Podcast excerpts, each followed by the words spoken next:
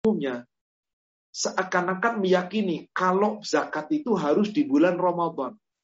Ah, inilah yang sering terjadi. Dan ternyata ini kekeliruan yang bisa fatal. Kalau ternyata kita salah, bahaya. Makanya kita harus memahami tentang zakat dan kita juga akan memahami tentang sedekah. Insya Allah semoga kajian singkat ini bisa membawa ilmu kita, menambah ilmu kita, menambah wawasan kita sehingga kita bisa menjalankan menunaikan zakat dengan cara yang baik dan benar. Insya Allah. Salawat serta salam semoga terlimpahkan, tercurahkan kepada Nabi kita Muhammad Rasulullah Sallallahu Alaihi Wasallam. Semoga tercurah kepada seluruh keluarga, sahabat, dan seluruh pengikutnya hingga yomil akhir. Bapak Ibu jamaah sekalian, sebetulnya zakat itu bagian dari sodakoh. Infak itu sebagian dari sodakoh. Sodakoh itu sifatnya luas dan mencakup seluruh perbuatan baik. Dalam sahih muslim dari Abu Hurairah Rasul bersabda. Dari Jabir bin Abdullah Rasul bersabda. Kullu ma'rufin sodakoh. Juga dalam riwayat yang sama dari sahabat Abu Shuraih Al-Khuzai Beliau pun mengatakan Rasulullah Shallallahu Alaihi Wasallam bersabda, "Kullu ma'rufin huwa sadaqah." Setiap perbuatan baik semuanya itu bernilai sodakoh. Sampai Rasul mengatakan, kalimat tasbih sodakoh. Kalimat tasbih subhanallah itu sodakoh. Wa takbir sodakoh. Takbir sodakoh. Wa tahmid, tahmid, alhamdulillah sodakoh wa tahlil la ilaha illallah sadaqah. Wa ya'mur bil ma'ruf wa yanha 'anil munkar sadaqah. Engkau ajak orang berbuat baik, engkau larang orang berbuat munkar sadaqah. Semua perbuatan baik itu sadaqah. Jadi kalau dikatakan sadaqah itu sifatnya menyeluruh, bukan cuma dengan harta. Nah, pada malam ini saudaraku seiman yang semoga dirahmati Allah, kita akan membahas khusus berkaitan sodako dengan harta. Yang biasanya sodako itu dikaitkan dengan zakat, dengan infak. Maka sering kalau di Indonesia ada lembaga namanya Laziz. Lembaga zakat, infak, dan sodakoh. Ada Baziz, Badan Zakat, Infak, dan Sodakoh. Ada Ziz, Zakat, Infak, macam-macam. Tetapi yang paling penting di sini kita harus memahami zakat, infak, sodakoh. Apa itu zakat, apa itu infak, apa itu sodakoh. Tiap seorang muslim wajib memahami agar mengamalkan dengan cara yang baik. Zakat itu rukun Islam. Kadang Rasul sebut nomor tiga, kadang Rasul sebut nomor empat. Yang penting ini rukun Islam. Sebagaimana sholat rukun Islam, wajib kita memahami ilmu sholat. Saum rukun Islam, wajib kita mengamai dan mengamalkan ilmu saum. Zakat rukun Islam wajib memahami dan mengamalkan rukun Islam zakat dengan baik. Haji juga rukun Islam pun wajib memahami dan mengamalkan dengan baik. Sebab siapa yang beramal dengan baik, insya Allah amalan mutaqabbala. Amal itu yang akan dikobul. Sebab amal yang dinilai oleh Allah adalah baiknya. Bukan dilihat dari jumlah kuantitas itu bukan. Kualitas yang Allah lihat. Tapi ketika kualitas bagus dengan kuantitas yang bagus, tentu itu lebih baik. Tapi kuantitas bagus, banyak kualitas jelek, lebih baik kuantitas sedikit tapi kualitas terbaik. Sebab Allah berfirman di surat 67. Surat Al-Mulk ayat kedua alladzi khalaqal mauta wal hayat liyabluwakum ayyukum ahsanu amala. Allah itu yang telah menciptakan mati dan Allah pula yang menciptakan kita hidup. Dan sepanjang hidup kita liyabluwakum ayyukum Allah akan menguji kamu siapa di antara kamu ahsanu amala yang amalnya paling baik. Apa itu amal yang baik? Amal yang sesuai dengan aturan. Amal yang sesuai dengan syariat. Maka amal yang baik itu menjadi amalan mutaqabbala. Amal yang diterima oleh Allah. Sehingga dengan dikabul oleh Allah, amal itu akan menjadikan seorang hamba diberi rahmat oleh Allah. Maka dalam urusan zakat, Bapak Ibu jamaah sekalian, ini ibadah yang harus tepat. berkaitan dengan ibadah. Ini rukun Islam yang wajib ditunaikan. Untuk zakat ditunaikan dengan cara yang benar, yang tepat sesuai syariat. Saya akan uraikan tentang pemahaman zis, zakat, infak, sodakah. Kita harus paham dulu tadi, semua perbuatan baik adalah sodakoh. Kullu ma'rufin sodakoh. Apa pun yang kita lakukan kebaikan itu sodakoh. Tapi yang akan kita bahas, sodakoh berkaitan dengan harta. Sebetulnya berkurban juga harta itu sodakoh. Tapi dikaitkan dengan aidul kurban. Menyembelih kambing itu juga sodakoh. Jika dikaitkan hari kelahiran, maka sodakoh itu namanya akikah. Jika ada orang yang beli kambing, yang beli onta, dikaitkan dengan fidyah, maka di situ sodakoh. Kenapa? Pelanggaran suatu perbuatan yang harus menyembelih. Maka itu sodakoh. Dengan mal, harta berupa binatang. Ada orang memberikan makan kepada orang miskin karena membayar fidyah karena nggak puasa dan seterusnya. Atau melanggar janji dan seterusnya. Maka itu diberikan dengan fidyah. Sodakoh. Dengan harta. Saya tidak menguraikan itu, saya hanya akan menguraikan yang tiga. Zakat, infak, sodakoh. Apakah perbedaannya? Secara mendasar Ibu. Zakat, infak, sodakoh ada kemiripan tetapi ada beda fungsi. Saya awali dari zakat. Zakat kita rinci dengan lima. Poin pertama tentang zakat kita rinci dengan lima. Lima keterangan. Satu, zakat itu hukumnya wajib, mutlak wajib.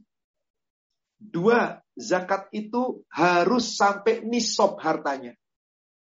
Tiga, zakat itu harus sampai haul harta yang telah dimilikinya. Empat, zakat itu ada besaran nilai yang harus dikeluarkan dari harta kita. Lima, ada mustahiknya. Ada yang berhak menerima. Dan lima ketetapan ini Bapak Ibu jamaah sekalian jangan dilanggar. Wajib seorang muslim mengetahui ini. Agar saat menunaikan zakat tepat sesuai dengan aturan dan tepat sasaran. Kenapa? Karena zakat hukumnya wajib. Dan apa fungsi zakat? Kita nanti akan lihat dalam Al-Quran. Kita akan lihat pula dalam Al-Hadis.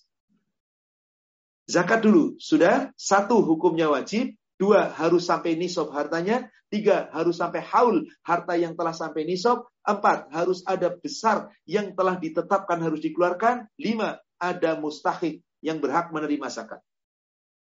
Kedua, infak. Infak pun kita ure menjadi lima yang harus kita pahami. Infak sama dengan zakat, hukumnya wajib. Akan tetapi infak itu tidak ada kaitannya sama nisab infak itu tidak ada kaitannya sama haul. Infak itu nggak ditetapkan berapa besaran yang harus dikeluarkan. Dan infak itu ada mustahiknya, ada yang berhak menerimanya. Sebagaimana zakat. Hanya berbeda yang menerima dibandingkan zakat. Kita bisa membedakan sekarang. Zakat hukumnya wajib, infak juga wajib. Zakat ada nisabnya, infak nggak ada nisab. Zakat ada haul, infak nggak ada haul.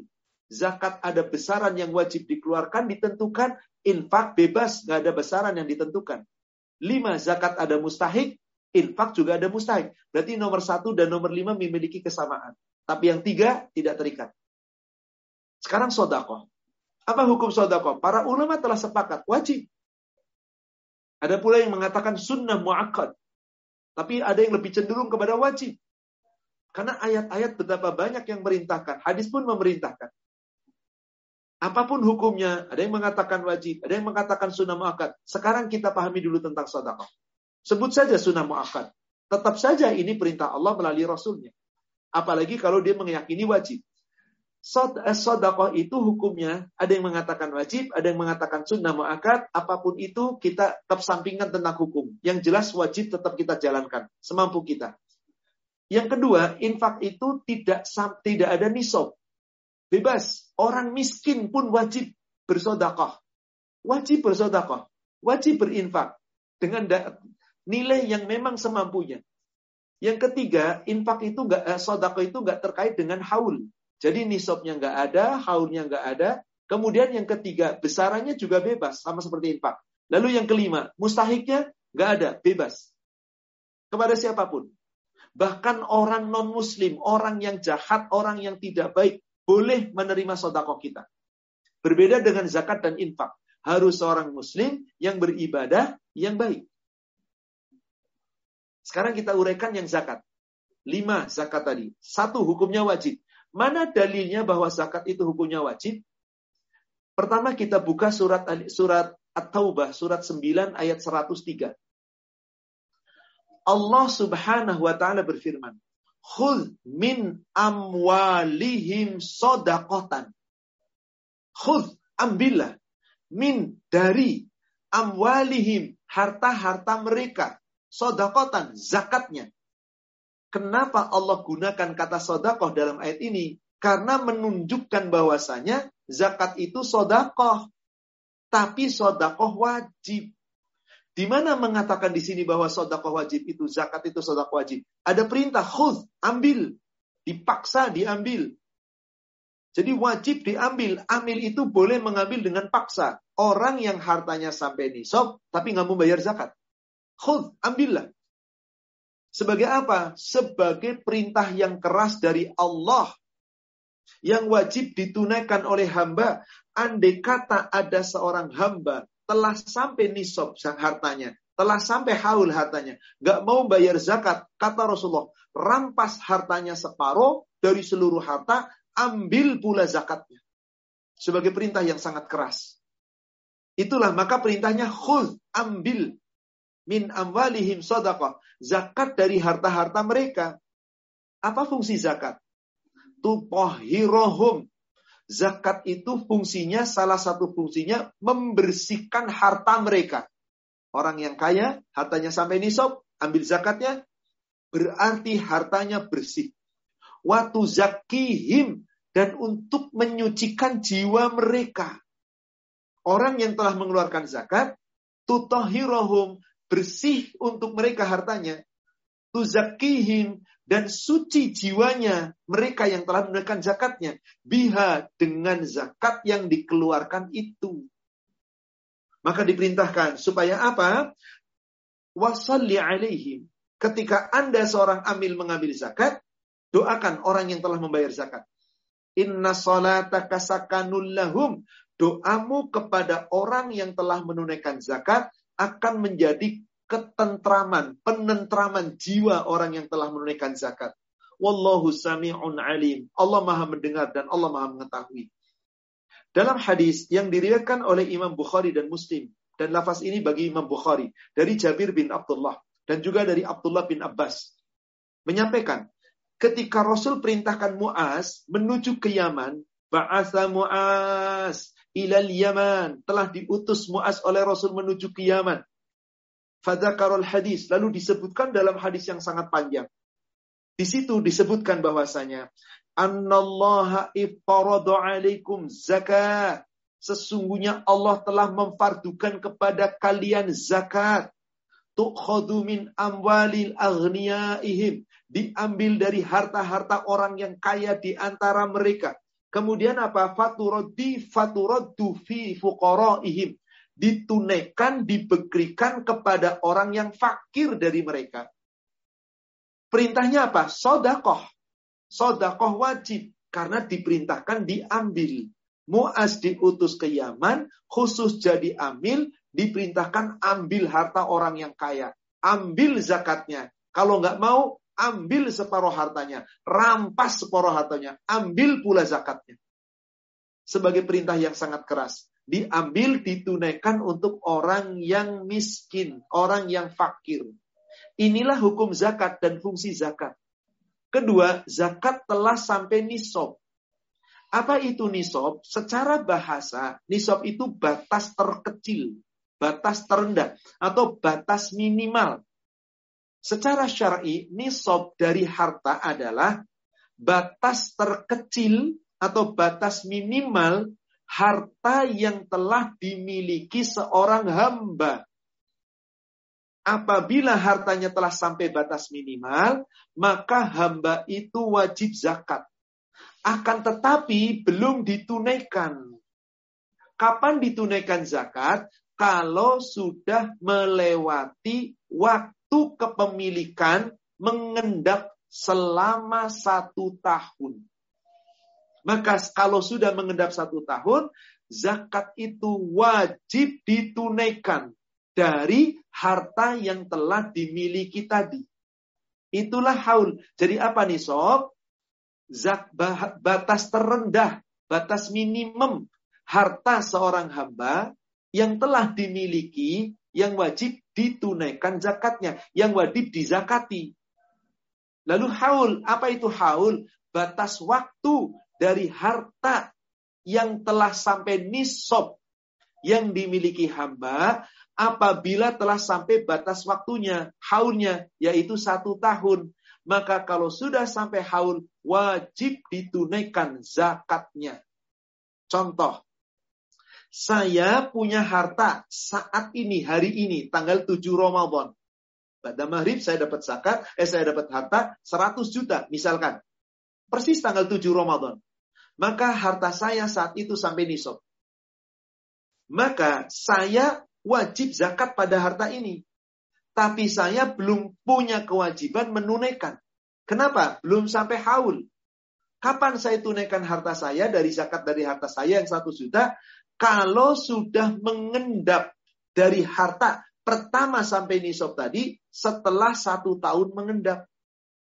Begitu satu tahun mengendap, tanggal 7 Ramadan tahun depan. Harta saya masih ada 100 juta. Keluarkan 2,5 persen. Harta saya bertambah dari 100 juta, ada 200 juta. Keluarkan 2,5 persen dari 200 juta. Karena harta kita yang terhitung itu di saat sampai haulnya. Adapun nisab batas terendah pertama yang kita miliki. Maka Bapak Ibu, sepanjang sepanjang seorang hamba hartanya tidak pernah sampai nisab, nggak ada wajib zakat. Meskipun gajinya gede. Contoh, ada seorang gajinya 25 juta. Dia tidak wajib zakat. Kalau gaji 25 juta dipakai habis tiap bulan untuk kebutuhan hidup kebutuhan sandang pangan, kebutuhan makan, eh, apa namanya, kebutuhan kendaraan, kebutuhan transportasi, pendidikan anak sekolah, untuk kesehatan. Seorang gajinya 25 juta, satu istri, tiga anak. Ada yang sekolah kuliah, ada yang sekolah SMA, ada yang sekolah SMP. Sedangkan 25 juta pas-pasan untuk hidup setiap bulan. Nggak punya duit sama sekali. Kalau total tabungan paling sekedar sejuta, dua juta, paling lima juta. Ada di tabungan sekedar simpanan tapi hartanya nggak pelah melampaui itu. Maka orang itu nggak wajib zakat. Wong hartanya nggak sampai nisab. Hartanya nggak pernah sampai nisab. Kenapa? Zakat itu terkait dengan nisab. Sampai nisab dulu, baru sampai waktu, yakni haul. Kalau sudah sampai haul, wajib dikeluarkan zakatnya. Berapa zakat yang wajib dikeluarkan? Dalam sebuah hadis yang diriwayatkan oleh Imam Muslim dan juga hadis ini dikeluarkan pula oleh beberapa imam yang lain tentang kewajiban menunaikan zakat. Bahwasanya Rasulullah Shallallahu Alaihi Wasallam telah bersabda dari Ali bin Abi Thalib. Ali bin Abi Thalib mengatakan begini. Qala Rasulullah Sallallahu Alaihi Wasallam, "Idza kanat laka mi'ata dirham wahala alaiha al-haul fafiha khamsa darahim. Apabila telah ada pada kamu kanat laka betul-betul ada padamu harta sebesar 200 dirham.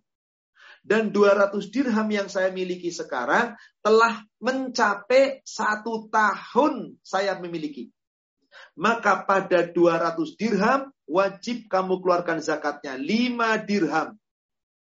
Saya punya 200 dirham. Satu tahun sudah.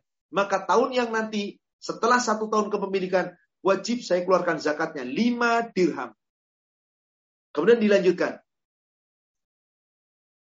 Wala wa idza wa idza kanat laka aisruna dinaran wahala alaiha al-haul fafiha nisfu dinaran Dan apabila kamu telah memiliki harta sebanyak 20 dinar, lewat atasnya kepemilikan satu tahun, maka zakat dari 20 dinar setengah dinar. Zakat dari 20 dinar setengah dinar. Jadi 5 dirham dari 200 dirham. Itulah zakatnya. Setengah dinar dari 20 dinar. Itulah zakatnya. Kalau begitu berapa zakat kita? Coba Bapak Ibu. 5 dirham dari 200 dirham. Berapa kalau gitu 5 per 200? Dua setengah persen. Setengah dinar dari 20 dinar. Kalau begitu berapa persen setengah dinar dari 20 dinar? Dua setengah persen. Maka zakat mal kita itu berapa? Dua setengah persen. Dua setengah persen. Sampai Rasulullah mengatakan, Walaysa fi mali zakatun hatta yahula alaihi haul. Tidak ada kewajiban zakat sampai harta yang telah dimiliki itu telah lewat atasnya satu tahun. Jadi saya punya uang 5, 100 juta saat ini, saya sudah wajib zakat dari harta saya, tapi belum wajib ditunaikan. Kapan wajib ditunaikan? Kalau sudah mengendap selama satu tahun. Itulah cara menunaikan zakat. Dari keterangan ini, saya buat ringkasan. Saya buatkan ringkasan. Contoh. Bapak Ibu, saya ibaratkan seseorang namanya Fulan. Si Fulan ini berumah tangga, menikah dengan seorang wanita. Jadilah dia suami istri. Saat itu dia bekerja, gajinya 10 juta. Qadarullah istrinya tidak bekerja di rumah, mengelola rumah tangga. Maka si Fulan dengan gaji 10 juta dan tidak punya harta apa pun selain 10 juta, masih ngontrak, paling motor yang dipakai itu pun motor pemberian dari orang tua, maka 10 juta yang dia dapatkan per bulan, lihat kebutuhan. Kalau ternyata tiap bulan untuk hidup berdua suami istri, untuk bayar kontrakan, untuk hidup bayar listrik, untuk ini, ternyata habis 9 juta. Dia cuma punya sisa 1 juta. Dikumpulkan selama satu tahun baru 12 juta. Dikumpulkan dua tahun baru 24 juta. Kalau dia tidak punya harta tambahan, 4 tahun, 5 tahun, sepanjang dia bekerja, bahkan 10 tahun dia bekerja, dengan gaji naik 15 juta. Tapi gaji itu habis untuk kehidupan sehari-hari, sedang dia tidak memiliki harta sampai nisab, dia tidak wajib zakat. Karena hartanya nggak sampai nisab. Lalu, bagaimana orang-orang yang punya gaji 5 juta, di pegawai negeri atau di perusahaan dipotong tiap bulan zakatnya dua setengah persen, sedang dia nggak wajib zakat. Yang motong zolim, ngambil harta orang. Dia nggak wajib zakat, kenapa dipotong? Jangan main potong. Kenapa? Belum tentu orang punya gaji 25 juta wajib zakat. Loh kok bisa? Dia punya gaji 25 juta. Dia punya istri satu, punya anak empat tanggungan isi dan anak-anak satu bulan 15 juta. Dia bantu orang tua 4 juta. Dia bantu mertua 3 juta. Dia bantu saudaranya 2 juta. Dia cuma cuman menyimpan uang sisanya tinggal 2 juta. Maka 2 juta disimpan sepanjang di tabungan. Belum sampai hartanya sampai nisab, maka tidak wajib zakat. Meskipun gajinya 25 juta. Berbeda ada orang gajinya 10 juta. Qaddarullah, qaddarullah. Dengan 10 juta gaji, dia saat pertama kerja belum menikah. Sepanjang 3 tahun gajian dia kumpulkan.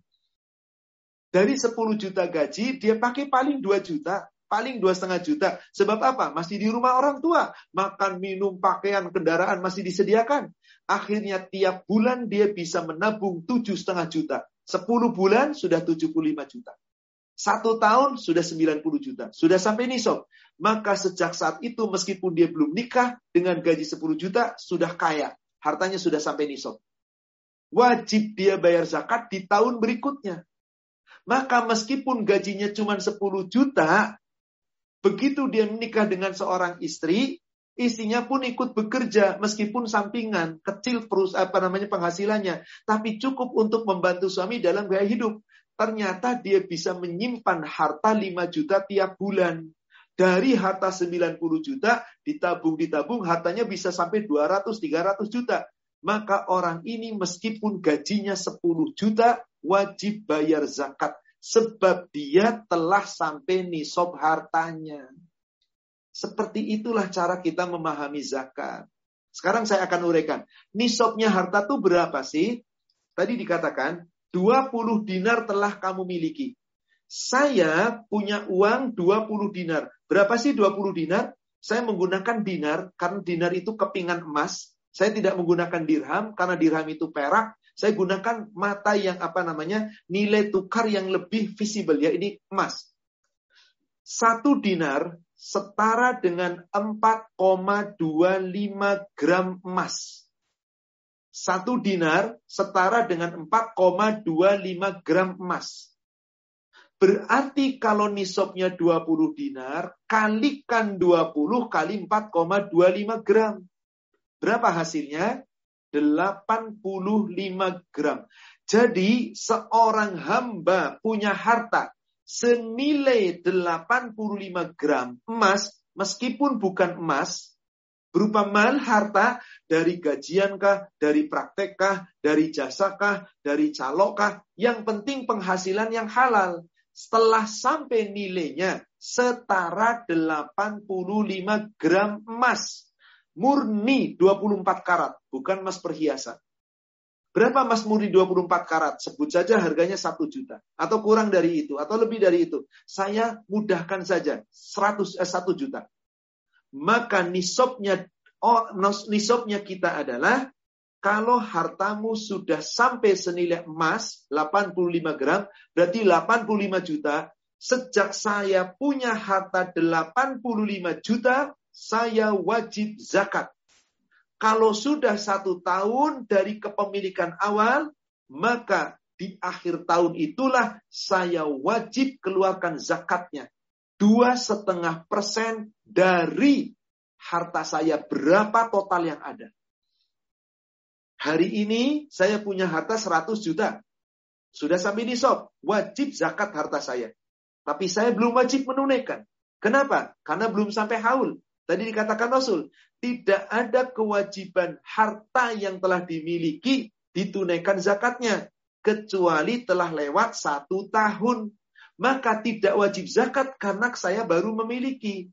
Kapan wajib zakatnya? Nanti tahun depan. Setelah satu tahun mengendap. Qadarullah, saya nggak punya tambahan apa pun. Tahun depan tetap 100 juta. Keluarkan zakatnya 100 juta. Dari 100 juta, maaf. Dua setengah persen dari 100 juta. Qadarullah sepanjang satu tahun saya punya tambahan. Ada bonus, ada tabungan dari gaji saya, ada hadiah dari orang lain, dari orang tua, ada warisan, misalkan, misalkan. Akhir tahun yang tadinya harta saya satu juta jadi 400 juta. Maka saya wajib keluarkan seluruh dari 400 juta itu dua setengah persen. Nisab itu terikat awal kepemilikan harta. Sedangkan haul dihitung sejak awal punya sampai nisab sampai satu tahun. Adapun harta-harta yang kita dapatkan dari batas setelah kita sudah sampai nisab, maka zakatnya dihitung sesuai dengan kelebihan harta kita. Jangan dihitung tiap dapat harta, nisab sendiri, lalu haul lagi, pusing kita. Jadi nisab itu awal, dihitung untuk haul sejak punya nisab, berapapun jumlah harta kita ketika satu tahun mau tetap 100 juta atau nambah, zakatnya sesuai dengan jumlah harta yang saya miliki. Kalau 100 juta keluarkan 100 juta, kalau 300 juta keluarkan dari 300 juta, kalau 1 miliar keluarkan dari 1 miliar. Meskipun yang 900 juta saya baru dapat Syakban kemarin. Jadi baru ngendap satu bulan. Jangan dihitung yang baru ngendap satu bulannya. Hitunglah nisab awal. Inilah cara mengeluarkan zakat. Kecuali saya hartanya 100 juta. Satu tahun baru saya mau bayar. Qadarullah, di tengah jalan saya menikah misalkan. Afan, saya sudah menikah. Ini sekedar ilustrasi. Saya menikah, butuh untuk biaya nikah, sederhana. Ambil uang 20 juta. Lalu saya ngontrak rumah, sekaligus 2 tahun. Ambil lagi 20 juta untuk 2 tahun. Akhirnya apa? Dari 100 juta keambil 40. Untuk beri perkakas perabot rumah tangga. Supaya dikontrakan bisa masak, bisa ini. Ambil 5 juta duit saya tinggal 55 juta. Maka di akhir tahun yang harus saya bayar zakat, ternyata duit saya berkurang dari nisab. Saya bebas bayar zakat. Saya bebas bayar zakat. Kenapa? Duit saya nggak sampai nisab. Seperti itulah seharusnya seorang muslim memahami cara menunaikan zakat. Nah, yang namanya zakat, Bapak Ibu, tidak terikat dengan Ramadan. Gak ada kaitannya zakat dengan Ramadan. Kaitan dengan Ramadan itu infak dan sodako. Dan zakat fitri di akhir Ramadan. Cuman sudah kadung kebanyakan umat Islam, khususnya di negara kita di Indonesia, zakat mal itu selalu dikaitkannya sama Ramadan. Tiap Ramadan, tiap Ramadan. Anda seharusnya lihat kapan harta Anda sampai nisab. Kalau harta saya sampai nisab di bulan Syakban, saya wajib bayar zakat Syakban kemarin. Harta saya sampai nisab di bulan Rojab, wajib saya bayar zakat di bulan Rojab kemarin. Jangan nunggu Ramadan. Kalau saya wajib bayar zakatnya di bulan Zulqa'dah yang lalu, maka Zulqa'dah yang lalu. Gak harus di Ramadan. Tergantung kapan Anda hartanya sampai nisab. Sehingga apa yang terjadi? Tiap orang mengeluarkan zakat sesuai dengan waktu dari harta yang telah sampai nisab. Di situlah perhitungannya. Yang jadi masalah mungkin di antara kita nggak paham tentang zakat. Akhirnya sampai sekarang bingung. Bahkan ada yang bayar zakat itu udah dipotong tiap gajian kok dua setengah persen. Mana dalilnya dipotong dua setengah persen tiap bulan? Di mana letak dalilnya? Di mana landasannya? Sedangkan zakat tidak wajib kecuali telah sampai satu tahun. Kecuali, ada pengecualian lagi. Ada orang hartanya sudah sampai nisab. Zakatnya tahun depan. Akan tetapi berkeinginan membayar zakat di depan. Contoh, tanggal 7 Ramadan, saya punya zak, punya harta 100 juta. Dan inilah nisab yang pertama saya miliki. Karena sudah mencapai 85 gram emas, bahkan di atas. Saat ini saya sudah punya uang sampai nisab. Maka uang ini wajib zakat. Tapi saya belum wajib menunaikan zakat. Sebelum uang saya mengendap selama satu tahun. Satu tahun depan itulah saya wajib mengeluarkan zakat. Tidak boleh terlambat. Tanggal 7 Ramadan itu batas akhir. Wajib Anda keluarkan. Tidak boleh ditahan-tahan. Ingat, harta kotor kalau nggak dizakati. Keluarkan dari harta bersih kita. Keluarkan. Tunaikan. Nah, bagaimana jika ada orang hartanya sudah sampai nisab? berkeinginan untuk bayar zakat tapi belum sampai haul. Bolehkah? Saya contohkan, saya kiaskan. Bapak sholat duhur. Tadi Bapak yang di UK mungkin baru sholat duhur satu setengah jam yang lalu. Atau dua jam yang lalu. Sholat duhur. Saat itu belum masuk waktu asar. Bolehkah Bapak Ibu sholat asar sebelum masuk waktunya? Jawabannya ada dua alternatif. Bisa boleh, bisa tidak. Tidak boleh jika tidak ada dalilnya. Boleh jika ada dalilnya. Apabila Anda sedang di tempat, di mukim, tidak ada kesibukan, tidak ada safar, perjalanan, tidak ada rusoh yang membolehkan, tiba-tiba, ah saya mau sholat asar sekarang aja deh, biar nanti kalau tiba waktu asar saya sudah bebas, nggak usah sholat asar lagi. Anda bukan dapat pahala tapi dosa karena mendahulukan waktu sholat sebelum waktunya. Berbeda ketika Anda dalam keadaan safar. Di atas safar, di perjalanan, Anda berhenti. Qadarullah masuk waktu duhur. Setelah itu mau meneruskan perjalanan lagi. Maka karena saya dalam safar, saya sengaja tarik asar ke duhur. Belum waktu asar, masih waktu duhur, saya sholat asar di jamat taklim keduhur. Boleh? Boleh, karena ada dalilnya. Orang safar boleh menjamak. Nah, bagaimana membayar zakat? Bolehkah ditunaikan sebelum haulnya? Tadi hadisnya jelas. Nggak ada kewajiban zakat dari harta yang telah dimiliki sampai nisab, kecuali telah lewat atasnya satu tahun. Bolehkah menunaikan zakat sebelum waktunya? Boleh jika ada dalilnya. Gak boleh jika nggak ada dalilnya. Bagaimana tentang dalilnya? Hadis yang diriwayatkan oleh Imam At-Tirmizi dan Hakim dari Ali bin Abi Thalib. Abbas bin Abdul Muthalib, paman Rasul, adiknya Abdullah bin Abdul Muthalib, anak terkecil daripada Abdul, Abdul Muthalib. Hartanya banyak. Memiliki kekayaan. Pada suatu saat, hartanya yang telah sampai nisab, tapi haulnya belum tiba. Haulnya masih nunggu. Tapi ada kebutuhan untuk sabilillah, perang di jalan Allah. Ada kebutuhan orang-orang fakir yang membutuhkan. Apa yang terjadi kemudian? Saat itu mau bayar zakat, tapi waktunya belum tiba.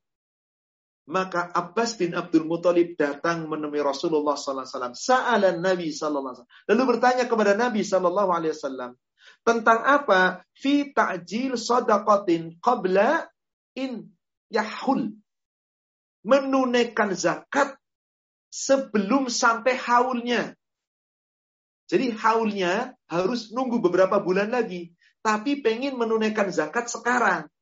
Minta izin sama Rasul. Ya Rasul, zakatku sudah sampai nisab. Eh, hartaku sudah sampai nisab. Tapi haulku masih lama. Sedangkan ada kebutuhan untuk zakat. Banyak orang membutuhkan. Bolehkah saya menunaikan zakat sebelum waktunya? Farahhoso lahu fi dzalika. Rasul memberikan ruhsah, izin keringanan kepada beliau yakni Abbas bin Abdul Muthalib untuk menunaikan zakat sebelum waktunya. Ada dalilnya, Bapak.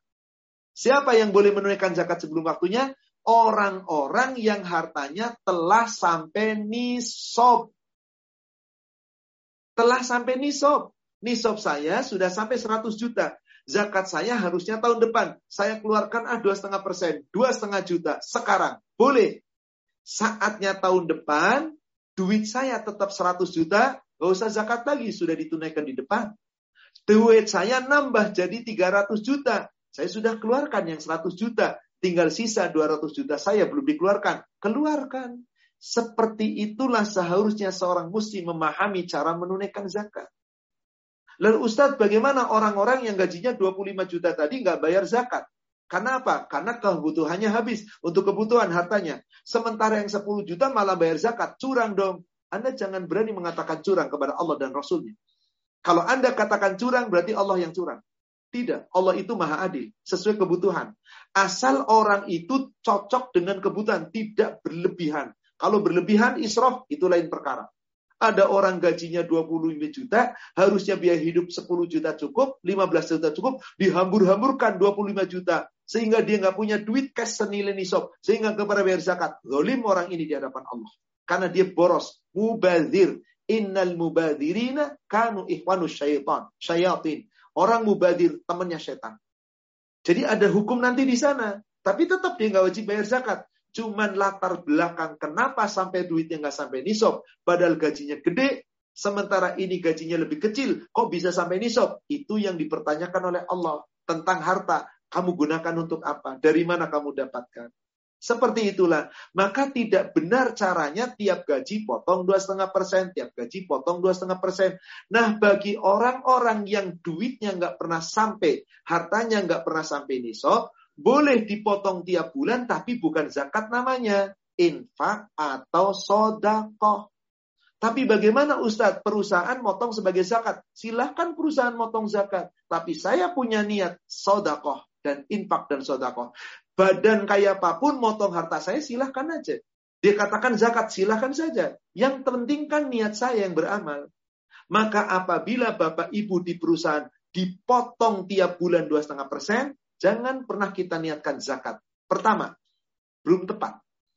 Kedua, kalau toh harta kita sudah sampai nisab, lalu kita cicilan tiap bulan, Anda harus mencatat bahwa saya sudah dipotong zakatnya. Syaratnya yang dua setengah persen dipotong oleh perusahaan, oleh pemerintah dan yang lain, yakin bahwa digunakan sesuai dengan aturan Allah disampaikan kepada yang mustahik. Anda yakin?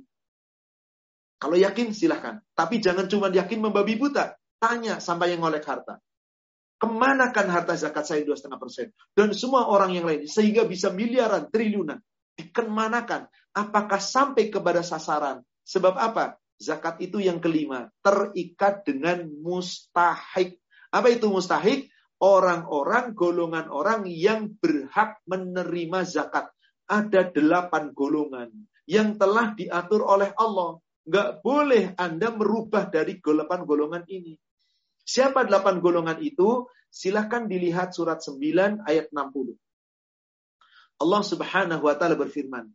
Innamas sadaqatu lil fuqara wal masakin wal wal masakin wal amilina 'alaiha wal mu'allafa qulubuhum Sesungguhnya sedekah wajib atau zakat itu hanya diberikan kepada orang fakir, orang miskin, amilina 'alaiha amil ya ini orang-orang yang mengurus zakat itu wal mu'allafa qulubuhum mu'allafati qulubuhum, mu'allaf yang sedang dibujuk hatinya, dilunakkan hatinya untuk masuk Islam meskipun belum Islam atau orang-orang yang baru masuk Islam. Wafir riqab dan untuk memerdekakan budak wal gharim untuk orang-orang yang berhutang dibantu supaya hutangnya lunas. Kemudian wafi sabilillah dan untuk orang-orang yang sedang berjuang berperang di jalan Allah membeli kendaraan untuk perang, memberi persenjataan untuk perang, membeli bahan bakan untuk bahan-bahan untuk perang. Silakan berikan kepada orang yang mau perang. Ini saya keluarkan zakat. Silakan Anda beli bahan, silakan Anda beli alat, silakan Anda beli kendaraan untuk itu. Fisabilillah wa sabil dan untuk orang yang dalam perjalanan yang kehabisan bekal kita boleh tunaikan zakat. Dan Bapak Ibu, delapan golongan tadi semuanya manusia, person, orang. Jadi tidak tepat kalau zakat itu untuk sebuah lembaga, bangunan di mana digunakan untuk ibadah. Misalkan bangunan masjid dikasih zakat, itu tidak tepat sasaran. Meskipun sebagian ulama ada yang membolehkan darurat, tanda kutip, jika memang tidak ada dana sekama sekali untuk bangun masjid. Baru boleh zakat. Kalau tidak, tidak boleh. Pesantren, jangan diambil dari zakat. Zakat itu untuk orang. Siapa itu? Yang ngelola pesantrennya, guru-guru pesantren misalkan. Yang menjaga pesantren, yang bersihkan pesantren. Atau marbotnya masjid. Boleh, tapi kalau untuk bangun sarana, nggak bisa diambil zakat. Sarana itu dari mana? Sodakoh. Supaya bernilai sodakoh jariah. Banyak umat Islam memberikan zakat untuk pembangunan masjid. Sedangkan orang miskin masih banyak yang berhak menerima. Ada orang fakir yang berhak menerima. Orang yang visabilillah yang berhak menerima. Gharim orang-orang miskin yang berhutang yang tidak mampu melunasi hutangnya yang berhak menerima. Kenapa Anda kok berikan untuk sodakoh jariah? Sodakoh jariah itu bukan wajib mutlak Pak. Besarannya nggak ditetapkan. Bebas Anda makin besar makin baik. Menambah pahala setelah kita wafat. Maka dikatakan sodakoh jariah. Nggak ada zakat jariah. Zakat itu kewajiban mutlak 2,5% yang ditentukan waktunya, ditentukan besarannya, ditentukan mustahiknya. Inilah zakat. Nah, apabila ada seorang hamba hartanya tidak pernah sampai nisab, dia nggak wajib bayar zakat, tapi wajib tetap mengeluarkan infak dan sodakoh. Apa tadi infak? Hukumnya wajib. Betapa banyak Al-Quran, ayat-ayat Al-Quran untuk perintahkan kita infak. Anfiqu mimma rozaknakum min qabli ayyatiya ahagatul maut. Infakkan hartamu sebelum kamu mati. Banyak sekali infak. Belasan ayat, puluhan ayat. Maka hukumnya apa? Wajib.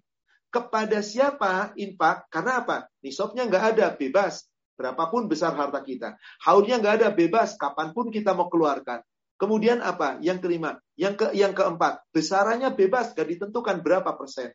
Yang kelima, ada mustahik. Memang ditentukan mustahiknya. Siapa mustahiknya infak? Di Al-Baqarah 215 dan Al-Baqarah 273 disebutkan di situ mustahik infak. Al-Baqarah 215. Yas'alunaka madza yunfiqun. Mereka bertanya kepadamu ya Muhammad, harta-harta yang kamu mau infakkan itu ke mana? Mau diinfakkan ke mana? Kepada siapa infak diberikan? Maka Allah menjawab, Qul ma anfaqtum, katakan Muhammad kepada yang bertanya tentang infak. Apa saja harta yang kamu infakkan min khairin dari hartamu yang baik-baik, falil walidaini wal akrobi. Berikan infakmu itu kepada kedua orang tua. Wal akrobin, berikan infakmu kepada kerabat-kerabat dekatmu. Wal yatama, berikan infakmu kepada anak-anak yatim. Wal masakin, berikan infakmu kepada orang-orang miskin. Wabanis sabil, berikan infakmu kepada orang yang dalam perjalanan. Orang miskin bisa dapat zakat, bisa dapat infak. Orang yang dalam perjalanan bisa dapat zakat, bisa dapat infak. Anak yatim nggak berhak dapat zakat, tapi berhak dapat infak. Tapi kalau yatimnya miskin gimana Ustaz? Bukan karena yatim dia dapat zakat, tapi karena miskin. Karena di surat 9 ayat 6 tadi nggak ada kata-kata yatim. Kenapa? Sebab yatim kaya juga banyak. Bahkan dia setelah dewasa nanti wajib bayar zakat. Ketika masih kecil, dia punya harta, hidupkan dari hartanya dia itu. Dikelola oleh keluarganya. Gak wajib bayar zakat, menerima zakat, gak pantas dia. Kaya.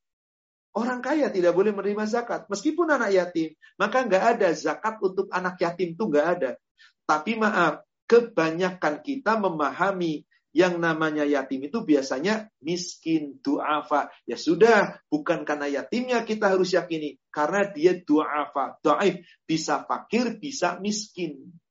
Maka dia dapat harta, zakat bukan karena yatimnya. Yatim dari mana diambil? Infak. Orang tua, kerabat-kerabat dekat, saudara-saudara kita, anak-anak yatim, orang-orang miskin, orang yang dalam perjalanan. Atau lebih detail lagi, ada orang yang berjuang di jalan Allah. Hidupnya pas-pasan, dia berjuang di jalan Allah. Apakah menjadi guru agama, mengajarkan ilmu agama, menyampaikan Al-Quran, menghafal Al-Quran, mempelajari Al-Quran. Dia terus mendalami Al-Quran, berjuang di jalan Allah, menegakkan agama Allah. Meskipun nggak perang, sama sekarang tidak ada perang, kita. Tapi berjuang, hanya dia tidak bisa cari nafkah. Karena waktunya habis untuk di jalan Allah. Sehingga apa? Hidupnya pas-pasan tapi orang itu menjaga diri, nggak mau minta-minta. Inilah orang fakir yang paling pantas Anda berikan infaknya. Dan bahkan mereka visabilillah berhak dapat zakatnya. Jadi orang yang ngajar ilmu agama, guru-guru ngaji, sepanjang dia itu masuk kategori fakir atau miskin, nggak mampu menghidupi dirinya dan dia visabilillah, wajib uh, berhak dapat zakat. Tapi guru agama dia ngajar, penghasilan dari ngajar banyak, gede. Dia kaya, duitnya sampai nisok. Dia wajib bayar zakat, jangan terima zakat. Gak boleh kalau terima zakat. Orang kaya. Orang kaya yang boleh terima zakat itu cuma lima kata Rasulullah. Satu, amil. Meskipun kaya berhak. Dua, orang kaya dapat harta zakat, tapi karena membeli dari orang miskin yang dapat harta zakat. Saya punya tetangga orang miskin, maaf misalkan. Dapat zakat seekor kambing dari peternak kambing yang telah sampai nisab kambingnya. Dapat zakat. Lalu orang miskin tetangga saya yang punya kambing, gak mau kambing, gimana ini? Saya lagi butuh kambing. Misal, mau dibuat akekah dan yang lainnya. Lalu saya beli kambing itu dari tetangga saya yang miskin. Nih duit saya. Lalu saya makan kambingnya. Saya sembeli, saya makan. Halal. Kenapa? Saya ambil dari duit saya. Ketiga, orang kaya yang terlilit hutang karena bangkrut, karena pailit, ghorim namanya. Maka berhak orang ini dapat dapat zakat sepanjang dia tidak mampu membayar hutang. Tapi asetnya banyak, aset banyak belum laku terjual, nggak punya duit, hutangnya terlilit. Maka dia berhak menerima zakat. Untuk melunasi hutang, maaf, hutang yang tidak sangkut paut dengan ribawi. Hutang untuk kebutuhan hidup. Atau hutang di saat dia berusaha yang tidak ada unsur riba, akan tetapi saat itu kalau usahanya jalan, dia bisa membayar. Tapi karena usahanya bangkrut, karena situasi dan kondisi, nggak bisa jalan, nggak bisa bayar hutang, aset-aset belum bisa dijual, nggak bisa dijual, karena belum laku-laku dan seterusnya, maka dia berhak menerima zakat. Namanya gharib. Orang mis, orang kaya tetapi terlilit hutang. Kemudian siapa lagi? Orang kaya yang mendapat hadiah dari orang yang diberi zakat. Ada orang dapat zakat, misalkan zakatnya padi. Padi sebanyak 50 kg zakat seorang miskin dapat. Tiba-tiba dia punya tetangga orang kaya. Nah, si miskin tadi memberikan hadiah kepada orang kaya. Nih, saya dapat zakat berupa beras. Ternyata berasnya enak banget. Saya hadiahkan untuk Anda 2 liter. Nyicipin makan beras. Enak. Silakan dia Halal. Tapi maaf, kebangetan bener orang kaya terima hadiah dari si miskin. Tapi kalau memang diberi, namanya juga diberi. Tidak ada mengapa. Artinya di sini sangat jelas bahwasanya zakat itu tidak boleh untuk orang kaya. Anak yatim selama dia kaya, maka boleh. Orang yatim selama dia kaya, maka dia tidak boleh. Ketika miskin, dia boleh. Itulah perbedaannya zakat dengan infak. Maka ibu bapak jangan sekalian di Al-Baqarah ayat 273 Allah Subhanahu wa taala berfirman tentang infak diberikan kepada siapa infak itu. Kalau 215 tadi untuk orang tua, kerabat dekat, kemudian anak yatim, orang miskin, orang dalam perjalanan. Di sini disebutkan lil fuqara. Infakmu itu kamu berikan kepada orang fakir. Tadi nggak disebut fakir, fakir hanya di zakat. Infak pun berhak menerima. Alladzina usiru fi sabilillah. Orang fakir yang terikat sadalang dalam keadaan berjuang di jalan Allah. Dia nggak mampu usaha, tapi dia berjuang di jalan Allah. Yastati'una darban fil ard. Mereka tidak bisa berusaha di muka bumi. Nggak bisa dagang, nggak bisa usaha. Kenapa? Terikat hari-harinya dalam rangka visabilillah. Maka ini masuk orang fakir. Dan dikatakan, Yahsabuhumul jahilu agniya aminat ta'affuf. Orang-orang yang bodoh menyangka itu orang kaya. Kenapa menjaga diri, nggak pernah minta-minta? Padahal dia miskin, padahal dia fakir maka orang yang seperti itu kamu berhak berikan zakatnya, kamu berhak berikan infaknya. Sampai dikatakan, ta'rifuhum bisimahum. Kamu bisa mengenali mereka. Mereka itu bukan yang suka mengadakan tangan minta-minta. La yas'aluna nasa ilhafa. Mereka orang yang memelihara diri, gak suka meminta dengan paksa kepada orang. Gak begini. Maka peminta-minta gak berhak dapat zakat. Jangan pernah kita berikan zakat. Infak jangan. Berikan sebagai sodakoh. Monggo. Karena peminta-minta itu sesungguhnya tidak halal. Kecuali orang yang tidak mampu. Maka Allah katakan, "Wa ma tunfiqu min khairin fa innallaha bi alim." Apa pun harta yang kamu infakkan yang baik-baik untuk orang-orang yang telah ditetapkan, maka Allah Maha mengetahui. Inilah bedanya zakat infak. Adapun yang sodakoh, bebas terserah Anda. Anda nggak bayar zakat karena nggak sampai nisab, wajib bayar infak, wajib bayar sodakoh. Anda telah sampai zakatnya, hartanya sampai nisab, wajib bayar zakat, wajib pula infak, wajib pula sodakoh. Karena zakat ditunaikan, belum gugur infak dan sodakoh. Dan fungsinya berbeda tadi. Kalau zakat membersihkan harta, menyucikan jiwa. Kalau sodakoh menyuburkan harta sebagaimana hadis yang diriwayatkan oleh Imam Muslim dari sahabat Abu Hurairah. Mana kosot mimalin. Mana kosot sodakotun mimalin. Sodakoh yang kamu keluarkan dari hartamu gak bakal mengurangi hartamu. Sampai-sampai Allah Subhanahu wa taala berfirman, Al-Baqarah ayat 276. Yamhaqullahu riba wa yurbi sadaqah jika ada orang yang bergelut dengan riba, maka Allah akan musnahkan harta riba. Sebanyak apa pun, gak ada nilainya di hadapan Allah. Wa yurbi. Tetapi kalau orang bersodakoh, Allah suburkan sodakohnya. Maka doa malaikat, tiap pagi ada dua malaikat yang diutus oleh Allah. Dalam hadis yang diriwayatkan oleh Muslim dari Abu Hurairah. Apa kata Rasulullah? maka mamin yaumin yusbihu al-ibadu fihi illa malakan. Tidaklah seorang hamba setiap pagi kecuali akan ada bersamanya dua malaikat. Seorang hamba tiap pagi mau keluar mencari nafkah atau apa pun, maka disertai dua malaikat.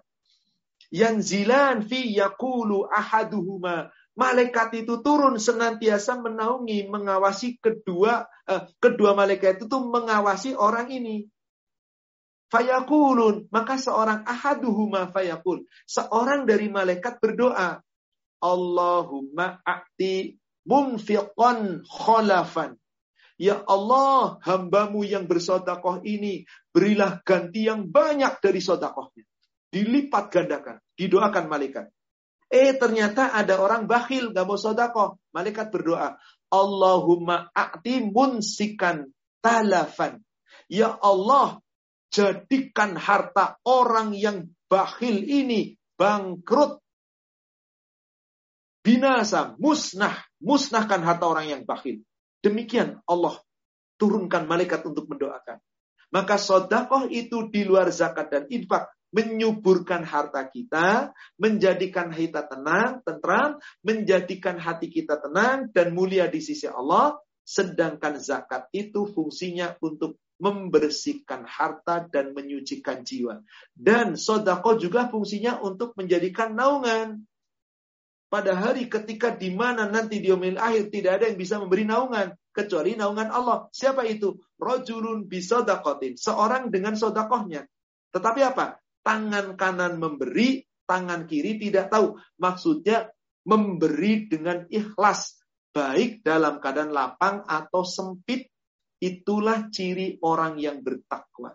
Saya tutup dengan sebuah ayat Al-Quran, lalu saya sampaikan kepada admin untuk kita tanya jawab. Penutupnya, surat Ali Imran ayat 133 dan 134. Allah berfirman, Wasari'u ila maghfirati min rabbikum. Bersegeralah kamu, wabil khusus sekarang ini di Ramadan, ayo bersegera. Mencari ampunan Allah, mencari surganya Allah. Mari kita segera arduhas samawati wal ad. Yang surga Allah itu luasnya seluas langit dan bumi. Uiddat lil muttaqin. Allah hanya berikan kepada orang takwa. Siapa orang takwa cirinya? Perhatikan ayat 134. Alladzina yunfiquna fis sarra'i Orang yang mau menginfakkan hartanya. Diinfakkan baik dalam keadaan lapang atau dalam keadaan sempit Kaya, miskin, infak, sodako wajib. Meskipun gak wajib harta zakat. Lapang itu berarti kaya, berok, sempit itu berarti miskin. Wajib kita tunaikan. Anda punya uang 100 ribu. Apa nggak mampu Anda sodako satu, seribu? Satu persen dari 100 ribu bagi orang yang punya duit 100 ribu berharga luar biasa. Seribu. Anda kumpulkan 30 hari, 30 ribu. Sudah sepertiga lebih. Gak mungkin dong Ustaz duitnya cuma 100 ribu. Kalau begitu, kenapa Anda punya duit 100 ribu, Anda masih bisa beli rokok satu bungkus. Sedang rokok satu bungkus minimal 15 ribu. Sehari Anda kenapa bisa menghabiskan 15 ribu? Hanya untuk penyakit diri. Padahal rokok itu sebagian ulama mengatakan haram. Sekurang-kurangnya syubhat. Berarti harus ditinggalkan, wajib. Kenapa Anda ngerokok bisa sotakoh? Enggak. Itulah kebanyakan orang yang tidak paham tentang zakat, infak, sodakoh. Wallahu a'lam. Demikian Bapak Ibu jamaah sekalian yang bisa diuraikan pada kesempatan pagi ini karena keterbatasan waktu jadi mohon maaf saya tidak bisa uh, menjelaskan secara detail keseluruhan hanya saya jelaskan saja secara garis besarnya. Mudah-mudahan dipahami. Jika belum paham, monggo di waktu sisa ini kita adakan diskusi, kita tanya jawab. Saya serahkan kepada admin. Silahkan, akhi. Khair Ustaz, Masya Allah. Ini walaupun singkat tapi padat ya isinya, Masya Allah. Baik Ustaz, jadi yang tadi zakat profesi itu tidak ada dalilnya ya Ustaz ya? Zakat profesi itu nggak ada Pak. Zakat karyawan itu ya? nggak ada. Zakat dokter, praktek, zakat pengacara nggak ada. Kenapa? Nggak pernah disebut.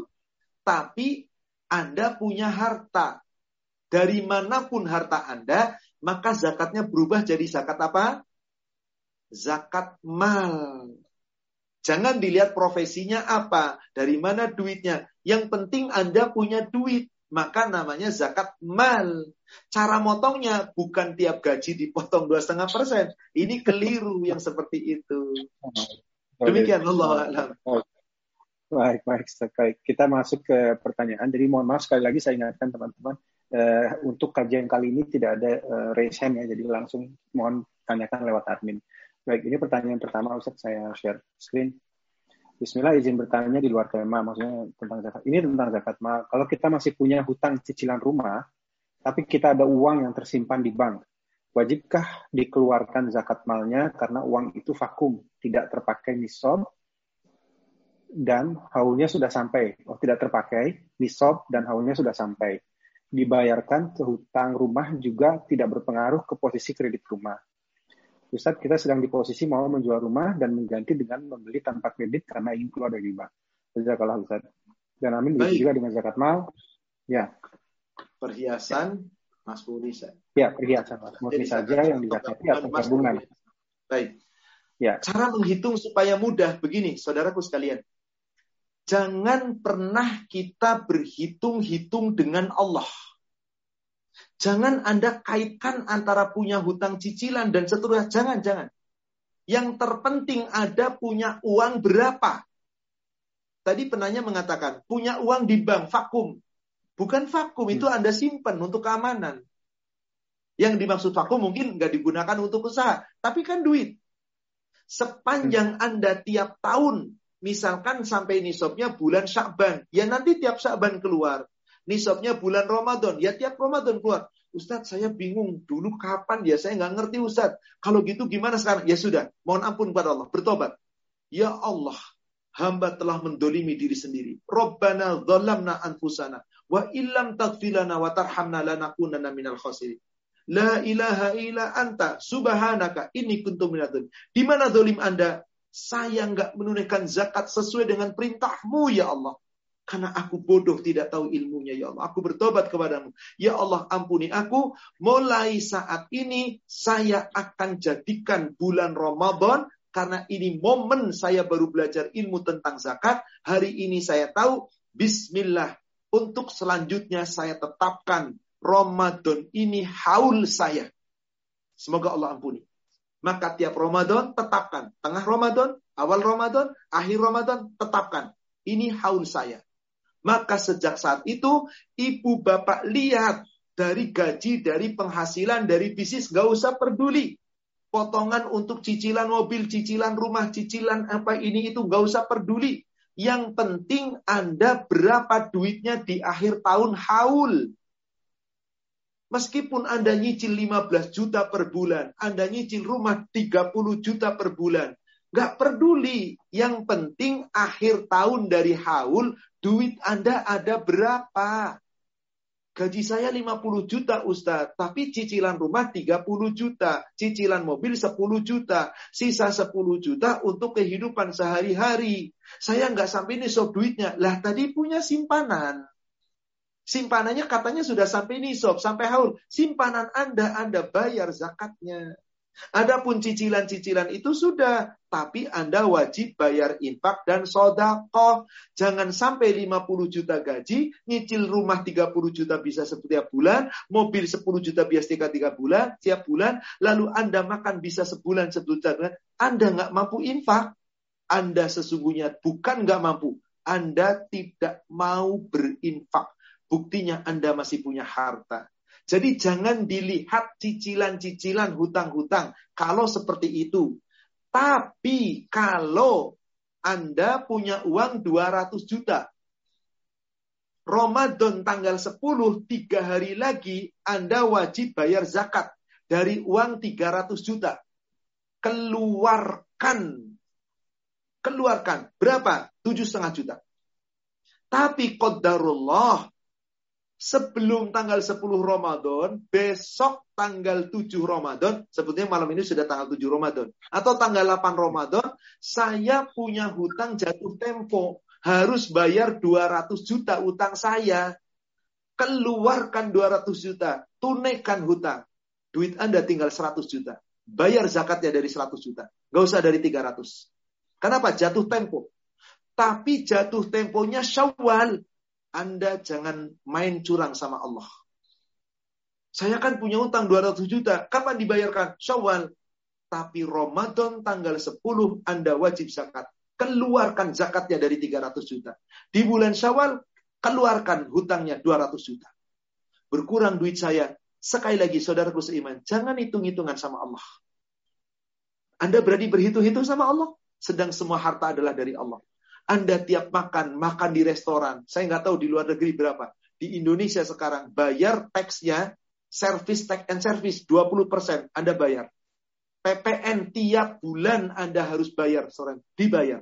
Pajak Anda bayar. PBB tiap tahun Anda bayar. Pajak mobil tiap tahun Anda bayar.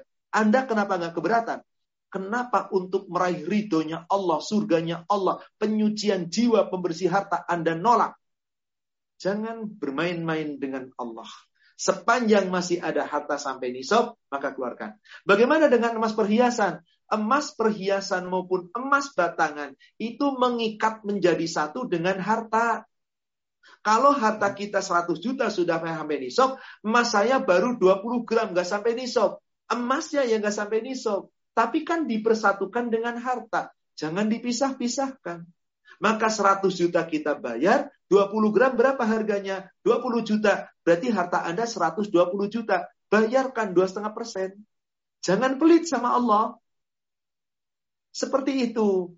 Bagaimana dengan emas yang karatnya bukan 24 karat? Berapa harganya? Saya sudah punya nisab 100 juta.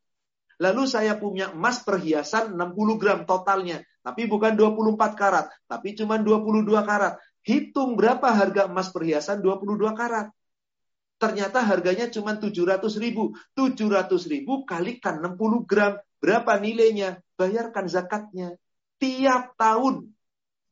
Anda PBB tiap tahun kan? Berani ngomong sama pemerintah. Pak, PBB-nya tahun kemarin udah. Anda nggak bayar, kena denda itu. Tunggak terus menerus. Kenapa sama Allah Anda nggak takut? Mari, zakat itu penyucian jiwa jiwa kita yang bersih. Maka orang yang jujur gak berani menyembunyikan harta di hadapan Allah. Karena Allah maha tahu tentang harta kita. Kecuali Anda punya emas 80 gram. Hanya itu. 80 gram. Masing-masing ada yang 25 gram, 2, 150 gram. Ada yang 10 gram, 3, 80 gram. Harta Anda sampai situ. Gak ada harta yang lain. Cuman punya emas 80 gram. Sampai nisab? Tidak. Gak usah bayar zakat. Bayar infak, bayar sodako. Allah itu maha adil. Infak sodako. Jadi zakat itu harus ada nisab, harus ada haul. Siapa yang sudah sampai nisab dan haul, wajib. Apa pun. Meskipun kita punya hutang cicilan kayak apa pun. Demikian cara memahaminya. Wallahu a'lam. Baik, terima kasih Ustaz. Baik, kita masuk ke pertanyaan berikutnya. Uh, Ustadz, paman saya sudah sepuh 78 tahun dan istrinya 75 tahun. Paman dan istrinya tidak punya penghasilan, hidupnya ditanggung oleh anak-anaknya yang tinggal bersama dia. Suami istri bekerja sebagai pegawai biasa. Bolehkah saya berzakat mal ke paman saya, Ustaz? Baik. Zakat mal yang telah Allah sebutkan tadi di surat 9 ayat 60 itu boleh diberikan kepada delapan golongan siapa pun dia. Seorang muslim yang minimal ibadahnya, sholat yang gak ditinggal. Minimal masih sholat. Muslim, gak boleh orang yang non muslim. Gak boleh orang Islam tapi gak pernah ibadah. Yang kita tahu ibadah. Yang gak pernah ibadah, jangan dikasih zakat. Jangan kasih infak, kasih sodakoh. Qadarullah itu paman saya. Bolehkah menerima zakat mal? Boleh. Sebab zakat itu hanya dua yang gak boleh terima dari orang ya. Satu ke atas, lihat ke atas, orang tua saya. Saya punya orang tua, ayah ibu masih hidup. Haram saya kasih orang tua saya zakat. Haram, zakat itu kotoran. Ke mana saya berikan? Dari mana orang tua saya saya berikan? Setelah saya tunaikan zakatnya, hartanya sudah bersih, saya keluarkan infak. 215 Al-Baqarah. Orang tua itu dengari infak. Gak boleh dari zakat. Ke bawah anak saya. Anak saya itu kewajiban saya. Gak boleh saya berikan zakat kepada anak saya. Dan tentu pasangan saya, karena itu kewajiban kita. Sebagai suami kan wajib memberikan nafkah. Jangan dari zakat. Selain itu, ke, ke samping saudara kandung, saudara sepupu, om kita dari ayah, om kita dari tante dari ibu, tante dari ayah dari ibu. Ke samping selain kedua orang tua dan anak-anak kita, maka halal dapat zakat. Halal dapat zakat. Jadi om dan tante boleh menerima zakat dari kita jika kita menyantuni om dan tante kita. Ambil dari zakat. Tapi jangan ngomong, om, tante, ini zakat saya buat hidup saya. Jangan, zakat itu kotoran. Maka bagaimana caranya? Om, tante, insya Allah setiap bulan kehidupan om dan tante, insya Allah saya yang memenuhi sepanjang saya mampu. Gak usah ngomong, tapi ambil dari zakat. Halal. Kenapa? Karena ngomong tentang zakat itu ketika kita bukan berikan kepada yang berhak, tapi kita titipkan kepada amil atau titipkan kepada orang yang menerima titipan. Contoh, bapak-bapak, ibu-ibu di UK mau mau mengeluarkan zakat susah. Lalu misal, misal, maaf, saya bukan amil, tapi ngomong ke saya, Pak Ahmad Susilo, Pak Ustadz, Afan, saya punya zakat 5 juta. Saya mau nitip ke Bapak, boleh nggak? Oh boleh, kalau nggak mau dititipkan, insya Allah saya sampaikan kepada yang mustahik. Bapak nitip ke saya, saya nggak berhak terima zakat. Saya mampu. Saya sampai nisab hartanya. Saya wajib zakat. Jangan saya nerima zakat. Tapi kalau saya dititipi, boleh. Tapi bapak ibu yang menitipkan ke saya wajib ngomong. Pak Ahmad, saya titip ya ini 5 juta. Ketika saya tanya, maaf bapak ibu 5 juta itu apa? Jangan ngomong begini. Pak Ahmad gak usah tahu deh. Pokoknya Allah yang maha tahu niat saya. Nanti dikira itu buat saya. Saya ambil. Anda dosa. Kenapa nggak ngomong? Saya pun dosa. Kenapa main ambil gak minta? Gak nanya. Jadi wajib bicara. Apa ini yang 5 juta? Oh, dua setengah juta untuk zakat, Pak yang dua setengah juta saya titip untuk bapak disampaikan kepada yang mustahik, fakir miskin, yayasan terserah. Yang dua setengah juta untuk yang berhak terima zakat, yang dua setengah juta untuk infak sodako. Lima juta murni bukan milik saya, wajib saya tunaikan. Maka saat ibu bapak menitipkan ke saya, wajib ngomong, apa ini? Gak boleh, gak usah tahu. Karena nanti bisa jadi nggak tepat sasaran. Wallahu a'lam. Demikian, Pak. Baik. Uh, apa tadi Ustaz? Saya tambah bertanya tadi kalau untuk uh, misalnya paman dan tante itu uh, uh, ibadahnya masih belang betong gitu tetap berhak ya? Selama masih sholat, selama masih ibadah, belang betongnya dosanya Baik. dia. Tapi dia tidak ya. meninggalkan. Ya. Yang dinamakan dia sudah uh, tidak dikatakan lagi Islam kalau sudah meninggalkan total. Hadis sahih riwayat ya. Imam Muslim dari Jabir bin Abdullah, Rasul bersabda, Inna baina rojul wa baina syirk wal kufr tarkas sholat. Tali yang menghubungkan seorang sudah dikatakan kafir atau syirik kalau total ninggalin sholat. Selama kadang sholat, angin-anginan, ntar ditinggal. Dia masih sholat, dosanya dia. Lima zakat, dia masih Islam, berikan zakat. Tapi kalau ada yang lebih bagus lagi ibadahnya, boleh. Kalau perlu, zakatnya jangan untuk om dan tante untuk yang lain yang lebih berhak, yang lebih pantas. Om tante kasih sodako aja. Atau kasih info. Demikian Allah Uh, ini berikutnya Ustaz, uh, pertanyaannya, Afwan Ustaz, kalau sudah bertahun-tahun tidak bayar zakat, padahal sudah sampai nisab, apakah bayarnya double atau dibayar sekarang untuk misalnya selama lima tahun terakhir? Mungkin karena ilmunya belum sampai seperti itu. Ustaz. Pertama, zakat itu kewajiban tiap tahun yang berulang, yang nggak didobel kayak Ramadan. Saya punya utang Ramadan tahun lalu, wajib saya bayar sebelum Ramadan ini datang. Kalau sudah Ramadan berikutnya, nggak bisa diakumulasikan. Tahun lalu saya punya utang lima, tahun ini saya utang, punya utang tiga, tahun depan saya punya utang empat. Begitu lima tahun, saya punya utang tahun pertama, uh berarti saya punya utang 25 tahun, saya bayar tahun ini. Nggak bisa. Anda telah berbuat dosa, sengaja melalaikan. Maka bagaimana? Taubatan nasuha atas yang telah lalu. Ya Allah, hamba bertobat kepada hamba dolim ya Allah. Harta yang telah anda engkau titipkan kepada hamba ya Allah. Gak ditunaikan zakatnya. Sedang zakat adalah pembersih harta, penyuci jiwa. Ya Allah, hatiku kotor, jiwaku kotor, hartaku kotor. Ya Allah, ampuni hamba. Mulai tahun ini saya akan tunaikan zakat. Bulan Ramadan ini saatnya saya keluarkan zakatnya. Ya Allah, duitnya berapa? Satu miliar, keluarkan dua setengah persen. Lalu, ya Allah, untuk menutupi kesalahan dan dosa yang telah lalu. Hamba akan berinfak dari hartaku satu miliar. Aku akan infakkan 100 juta. Monggo. Aku infakkan 50 juta. Terserah. Anda infakkan 20 juta. Tidak masalah. Yang penting keluarkan. Sebagai bukti Anda memperbaiki diri. Bertobat kepada Allah. Jadi tidak bertumpuk-tumpuk. Satu miliar, lima tahun yang lalu. Satu tahunnya 25 juta. Kalau satu miliar kali lima berarti 125 juta. Saya keluarkan zakat, nggak begitu caranya zakat. Zakat itu terhutang untuk tahun ini. Adapun tahun-tahun yang telah lalu, Anda telah sengaja meninggalkan, Anda berdosa, bertobat dengan taubatan nasuha, jangan mengulangi lagi. Perbanyak infak dan sodakah. Wallahu a'lam. Baik. Uh, saya lanjutkan Ustaz.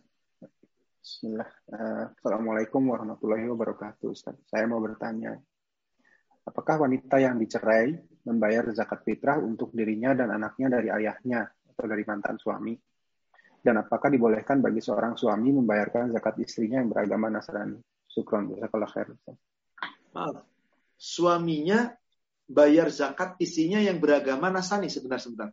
Apakah uh, ini ada, ada bagi seorang suami membayarkan zakat istrinya yang beragama? Kalau orang Baik, yang non muslim nggak wajib zakat. Zakat itu hanya untuk ya. muslim.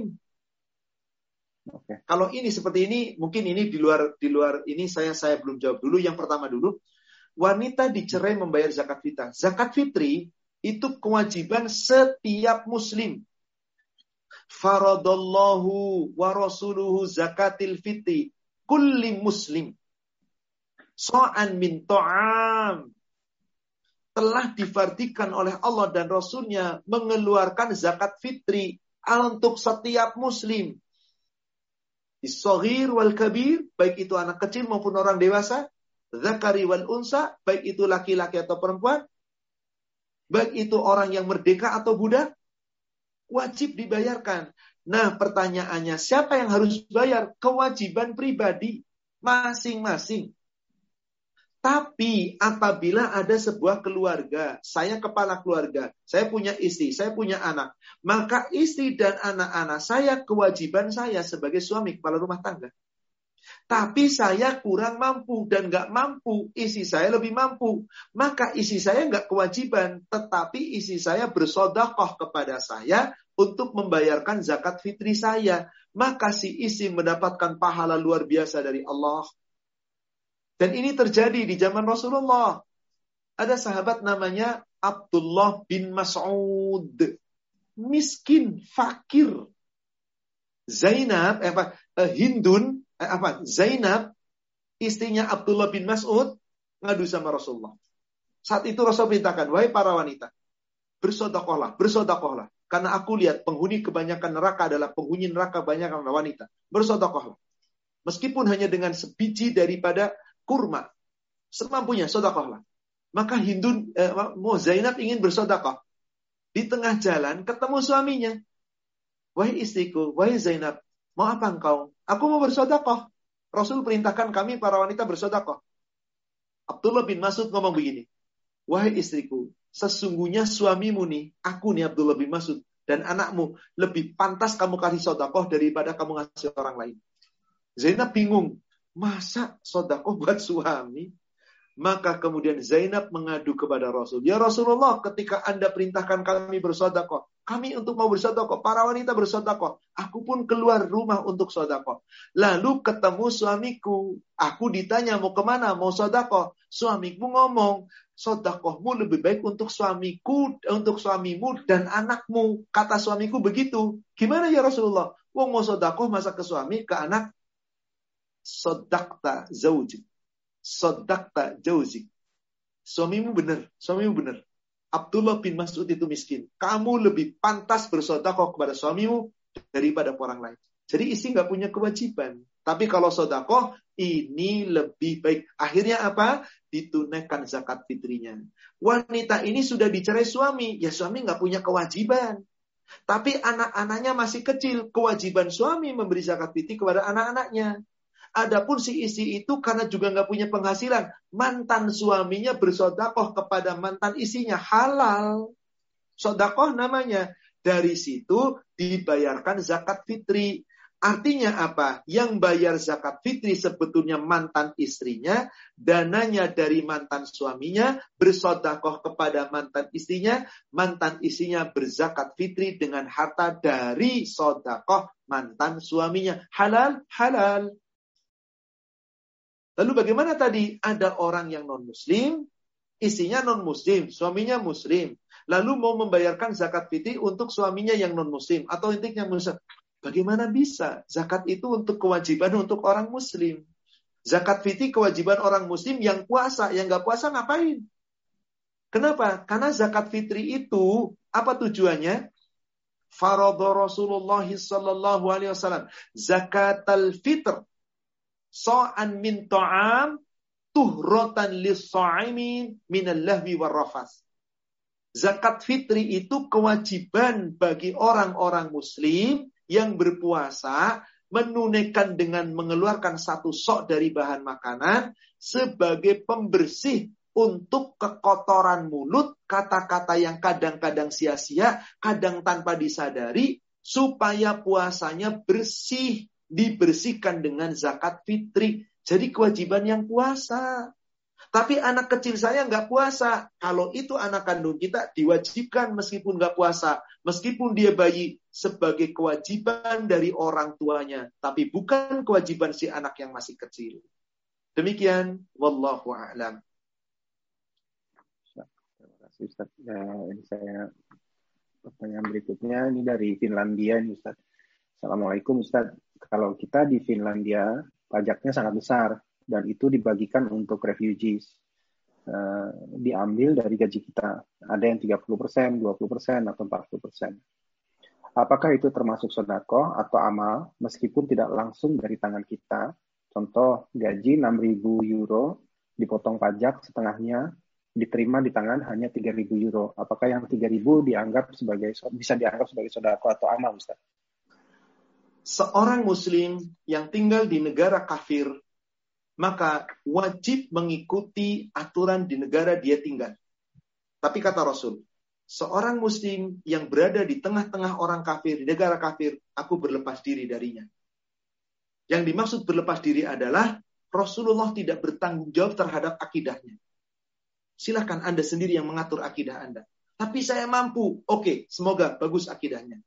Tapi dipotongnya sampai 40% Ustaz. Ya resiko Anda tinggal di negara kafir. Anda wajib ikutin aturan kafir. Di negara Anda tinggal. Apakah potongan itu sodako atau infak? Bukan infak, sodako. Apalagi tadi diberikan untuk refuge.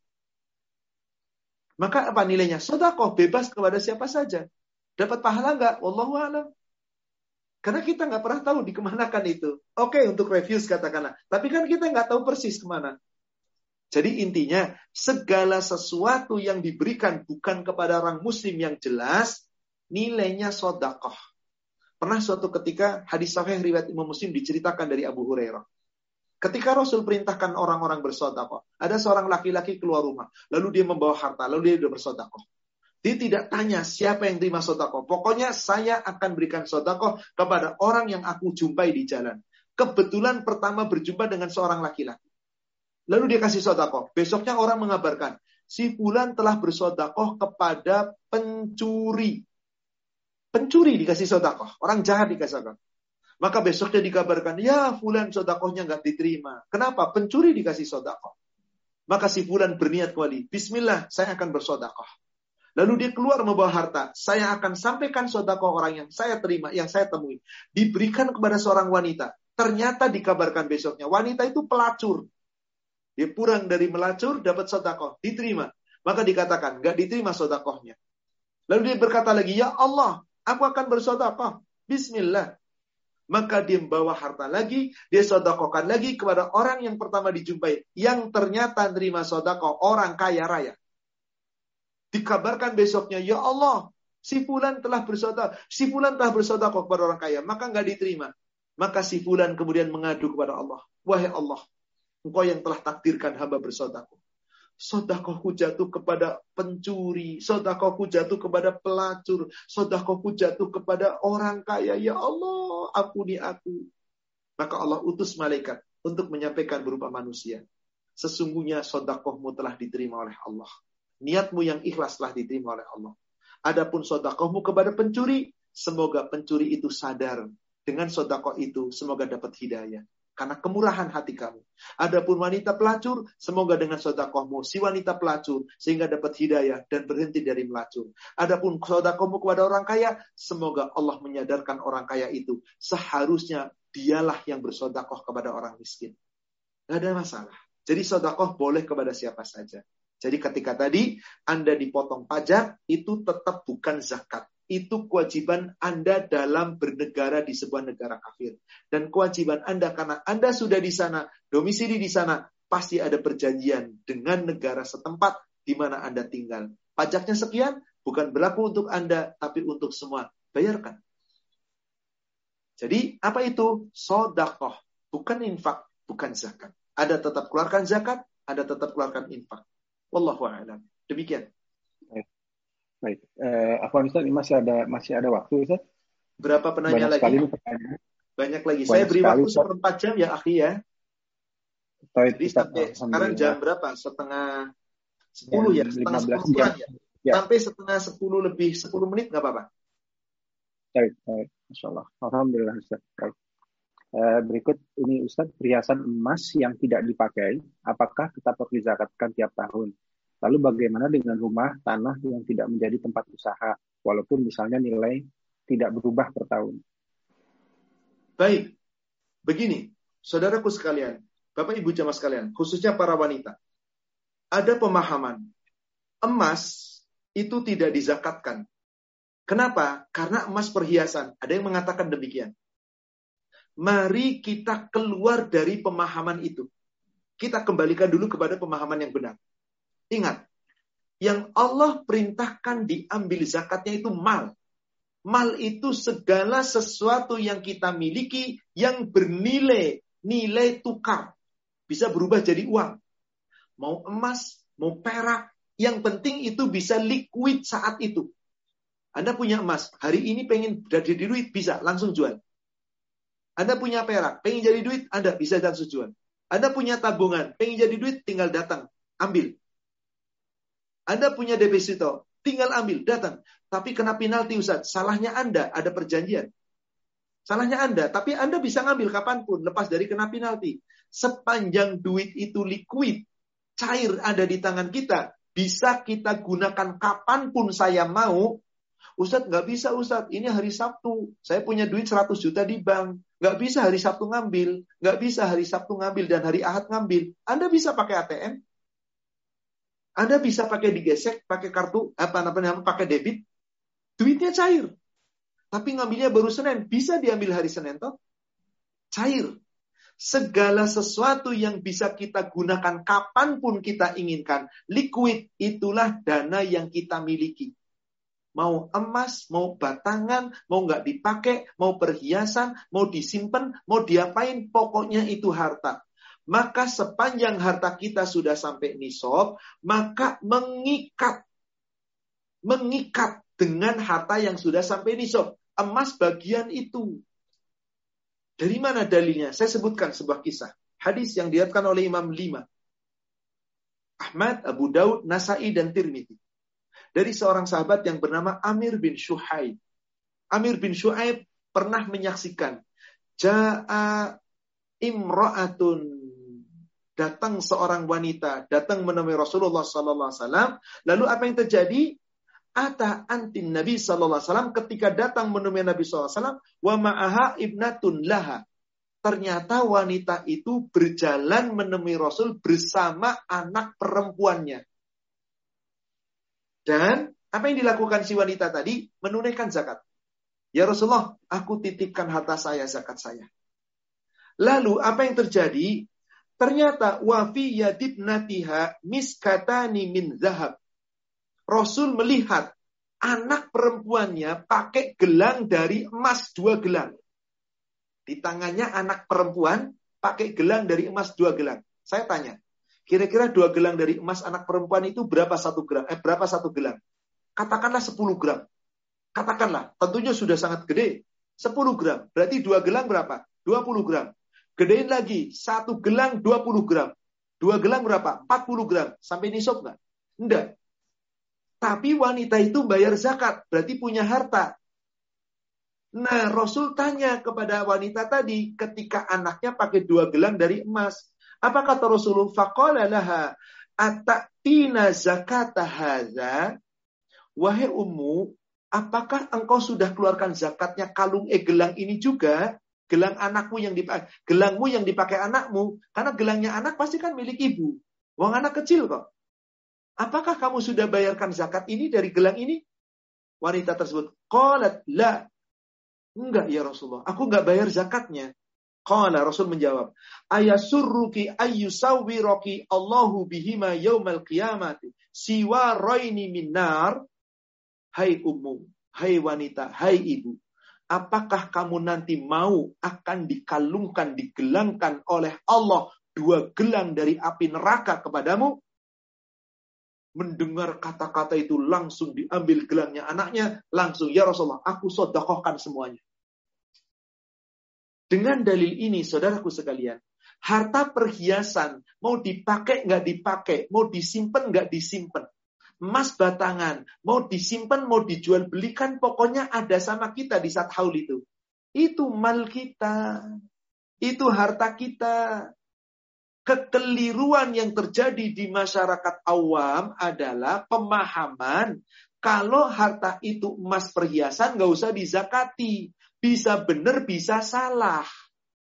Kalau harta Anda cuma emas perhiasan nggak sampai nisab, ya nggak usah zakat harta Anda perhiasan, tapi harta Anda sampai nisab, ya wajib mengikat zakat karena harta Anda sudah sampai nisab. Emas itu bagian dari harta Anda, bukan cuman emas.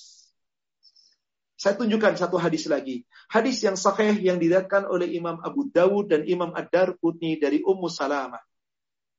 Ketika Ummu Salamah wafat suaminya, Abu Salamah, Abu Salamah meninggalkan harta. Sehingga Ummu Salamah dapat harta waris dari suaminya. Seper delapan dapat harta. Hartanya cukup banyak. Sampai nisab. Saat menikah dengan Rasul, belum diserahkan kepada Rasul. Di saat itu, Ummu Salamah setelah menjadi isi Rasulullah, pakai kalung di lehernya dan dipamerkan kepada Rasul. Apa? Ditunjukkan kepada Rasul. Kata Ummu Salamah begini, annaha kanat tasbalu aus au dohan min dahabi faqalat. Saat itu memakai kalung yang terbuat dari emas. Lalu Ummu Salamah berkata kepada Rasulullah, Ya Rasulullah, akan zunhua, wahai Rasulullah, apakah kalung yang aku pakai ini harta simpanan, emas simpanan? Akan zunhua, ini simpanan? Rasul menjawab, Ida addaiti zakatahu falaysa bikanzin. Kalau kamu sudah keluarkan zakat kalungmu itu, itu bukan simpanan. Jadi yang dimaksud simpanan oleh Rasul di sini, Bapak Ibu, bukan pemahaman kita yang di zakat itu harta simpanan, emas simpanan, emas batangan yang disimpan di deposit, di wafat, di bank, dan seterusnya, di berangkas. Bukan itu. Yang dimaksud simpanan adalah harta yang kamu simpan untuk dirimu sendiri, apabila nggak dizakati, maka harta itu simpanan yang membuat kamu celaka di akhirat. Tapi kalau ternyata zakatmu, harta emasmu sudah kamu zakati meskipun perhiasan, maka kata Rasul itu bukan simpanan. Kenapa Rasul mengatakan itu? Coba dibuka surat 9. Surat At-Taubah. Ayat 34 dan 35. Di bagian ujung ayat 34 ada kata-kata begini. Walladzina yaknizuna dhahaba wal fiddah. Orang-orang yang punya harta perhiasan emas dan perak. Kemudian apa? Wala yunfiqunaha fi sabilillah. Tidak dizakatkan, tidak diinfakkan di jalan Allah. Fabashirhum bi'adzabin alim sampaikan kabar gembira kepada orang yang menyimpan-nyimpan harta perhiasannya tadi, mau emas mau perak, nanti di akhirat dapat siksa yang sangat pedih. Apa siksanya? Perhatikan ayat 35. Yauma yuhma alaiha fi nari jahannam. Nanti harta emas perhiasan yang mereka miliki di dunia dikumpulkan oleh Allah di padang masyar saat mau dihisab dipanaskan emas dan perak itu di neraka jahanam. Fatukwa biha jibahuhum wa junubuhum wa dhuru wa dhuhuruhum. Lalu jadi seakan-akan seperti setrika, disetrikakan di dahinya, di punggungnya, di lambungnya. Allah berfirman, Hadza ma kanaztum li anfusikum. Ini loh hartamu, perhiasan emas dan perakmu yang dulu kamu simpen-simpen untuk dirimu. Kamu nggak keluarkan zakatnya. Kamu pelit dengan harta perhiasanmu ini. Hada ma kanastum li anfusikum. Fadhuku ma kuntum taknizun. Rasakan sebab kamu menyimpan untuk dirimu tanpa dikeluarkan zakatnya. Maka jumhur ulama, Bapak Ibu jam sekarang, ulama, seluruh ulama telah sepakat harta perhiasan itu tetap dikeluarkan zakatnya, meskipun dipakai atau nggak dipakai, simpenan atau bukan simpenan, yang penting itu emas, jika hartamu telah menyatu dengan harta yang lain telah sampai nisob. Tapi Anda punya emas batangan cuma 75 gram. 25 gram kali 3, 75 gram. Anda nggak punya duit apa-apa. Disimpan emas itu sebagai apa namanya simpanan untuk suatu ketika dijual kalau lagi butuh. Meskipun disimpan nggak wajib zakat. Kenapa? Harta Anda cuma 75 gram. Nisabnya 85 gram. Seperti itu cara memahaminya Bapak Ibu. Insya Allah jadi ringan. Wallahu a'lam. Alhamdulillah. Oh, jelas sekali Ustaz. Baik, berikutnya eh, ini ada pertanyaan mendengar penjelasan Ustaz tadi bahwa zakat mal untuk membebaskan hutang tidak berlaku apabila hutang tersebut berupa hutang riba. Lalu bagaimana solusinya Ustaz? Uh, yang dimaksud tidak berlaku hutang riba itu yang konsumtif Pak. Contoh, oh. si Fulan nyicil mobil, konsumtif. Sebetulnya dia sudah punya hmm. mobil, tapi karena konsumtif, dia pengen mobil yang lebih bagus, dia beli mobil yang lebih bagus. Cicilannya gede dan punya hutang sampai gede. Lalu dia bangkrut, gak punya apa-apa. Sedang dia saudara saya. Bolehkah saya bayarkan hutang riba cicilan mobil dari harta saya? Gak boleh. Gimana caranya? Si pulan wajib jual mobil ini, lunasi hutangnya. Kenapa? Konsumtif. Riba konsumtif. Dia sebetulnya nggak butuh mobil, cuman hawa nafsu pengen mobil baru. Qadarullah suasana lain. Maka hutang itu bukan bisa diselesaikan dengan zakat. Jangan. Atau hutang-hutang yang sifatnya konsumtif untuk bisnis, hutang untuk modal, maka dia tidak bisa. Dia harus jual asetnya. Kecuali semua aset nggak bisa terjual. Mobil mau dijual nggak bisa terjual. Dia terlilit hutang. Bismillah ya Allah. Berikan dana. Terpaksa. Nggak ada jalan keluar lain. Tapi selama masih ada jalan keluar, dia punya aset. Mobil itu jual, suruh bayar sendiri. Karena hutang riba, gak berhak dari harta yang bersih. Tetapi ada orang terkena hutang riba bukan karena konsumtif. Si Fulan ngutang beras 10 liter.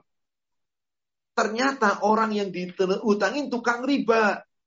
Harusnya sebulan dibayar 10 liter, 1 liter 10 ribu, 100 ribu. Gak bisa bayar bulan depan, kena bunga 5 ribu. Gak bulan depan 5 ribu lagi. Akhirnya dari hutang 100 ribu jadi 300 ribu. Karena berbulan-bulan gak mampu bayar.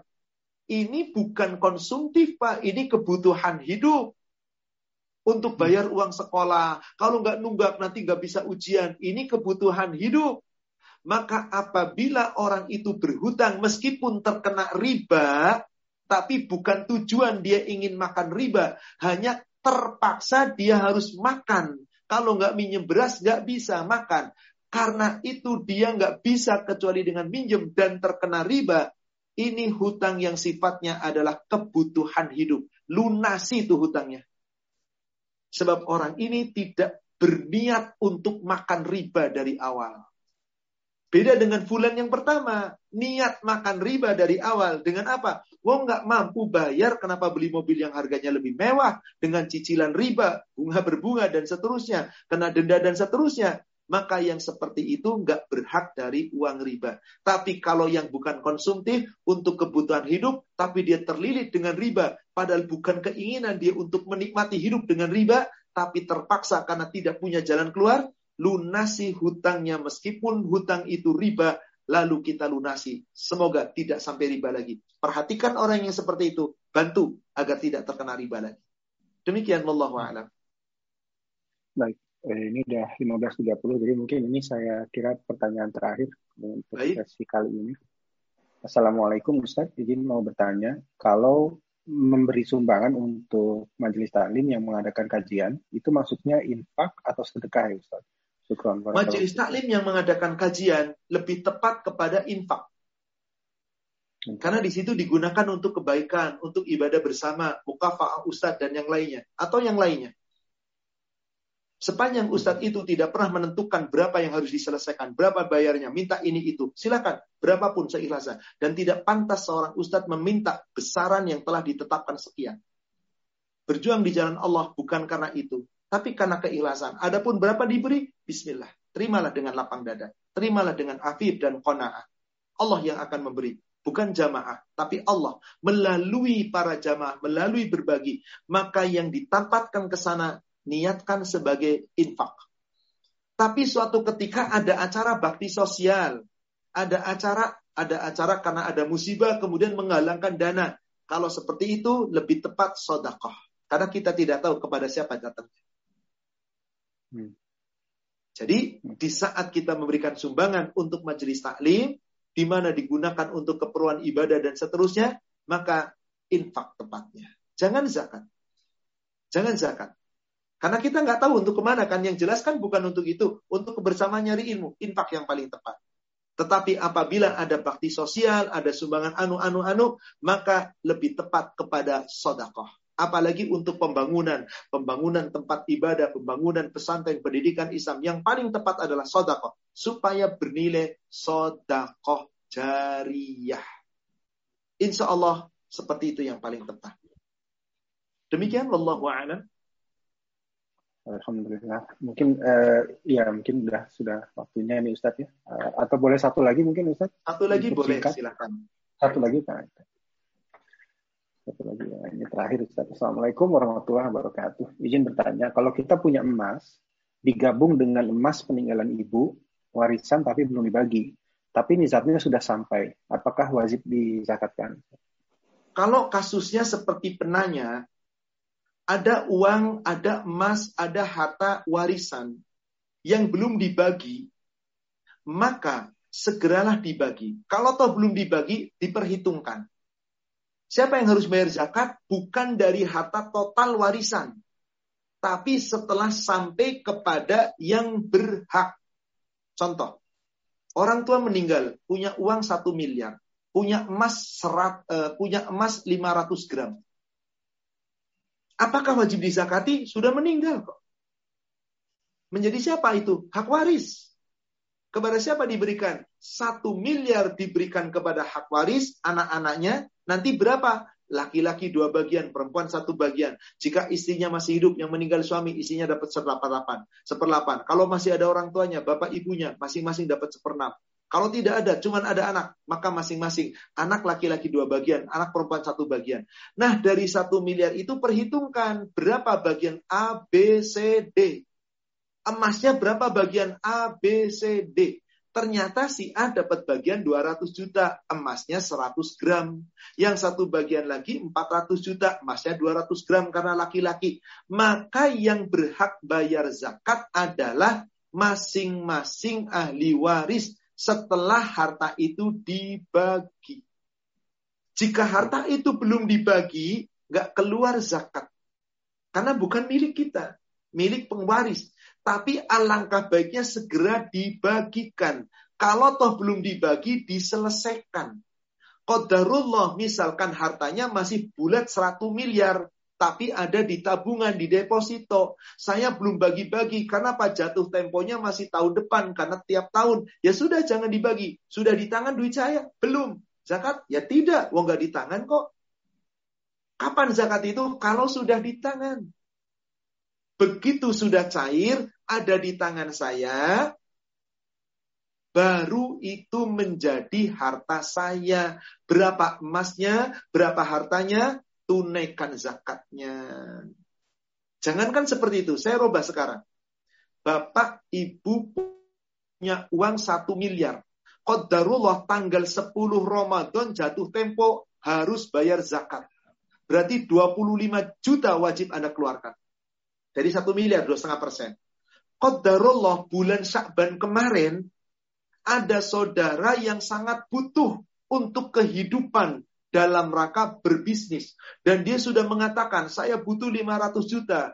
Jika Anda takut saya kabur ini, sertifikat rumah saya harganya 2 miliar, pasaran 2 miliar, Anda pegang. Kalau saya mangkir, kalau saya lari, kalau saya menipu, silahkan rumah ini dijual.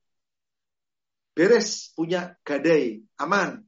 500 juta dari 1 miliar saya pinjamkan kepada saudara saya bulan Syakban pada saat tanggal 10 Ramadan, saudara saya ngomong, maaf saya nggak bisa bayar kalau cuma satu bulan. Saya minta tempo lima bulan atau setengah tahun, enam bulan.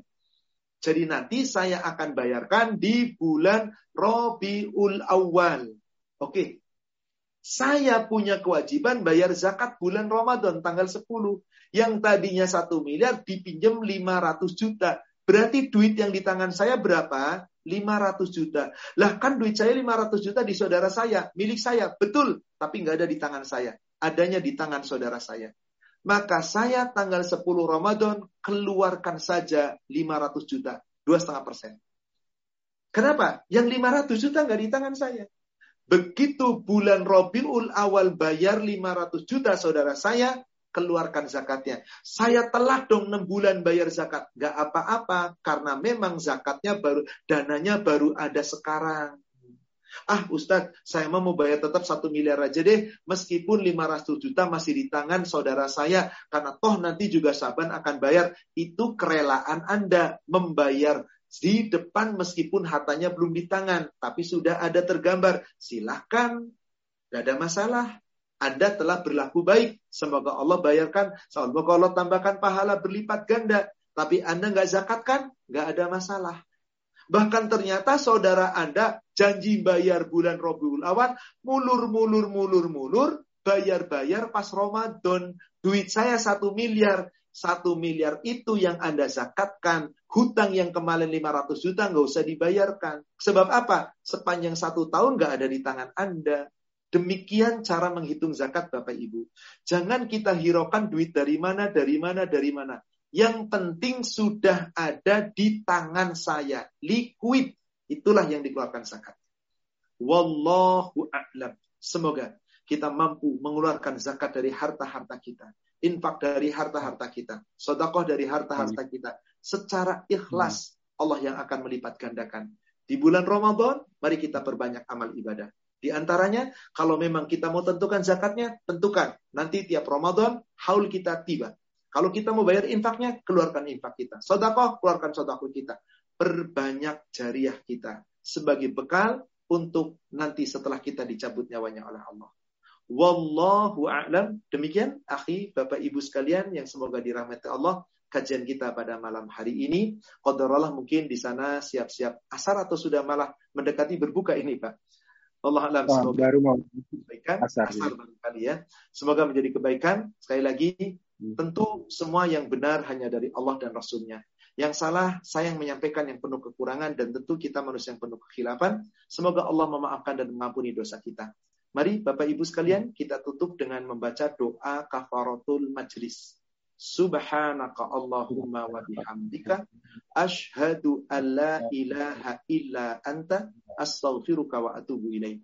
Alhamdulillah billahi taufik. Assalamualaikum warahmatullahi wabarakatuh. Waalaikumsalam warahmatullahi wabarakatuh. Alhamdulillah. Jazakallah khair Ustaz. Wajazakumullahu khairan untuk semua jamaah paduka dan mungkin juga ada jamaah-jamaah dari Indonesia yang ikut bergabung. Siapa pun yang bergabung, Barakallahu fikum, jazakumullahu khairan. Semoga Allah akan membalas dengan balasan berlipat ganda dan akan memudahkan kita menuju jalan surga. Amin ya rabbal alamin. Demikian, saya mohon pamit, saya live kepada para jamaah. Ya. Ya, terima kasih Ustaz.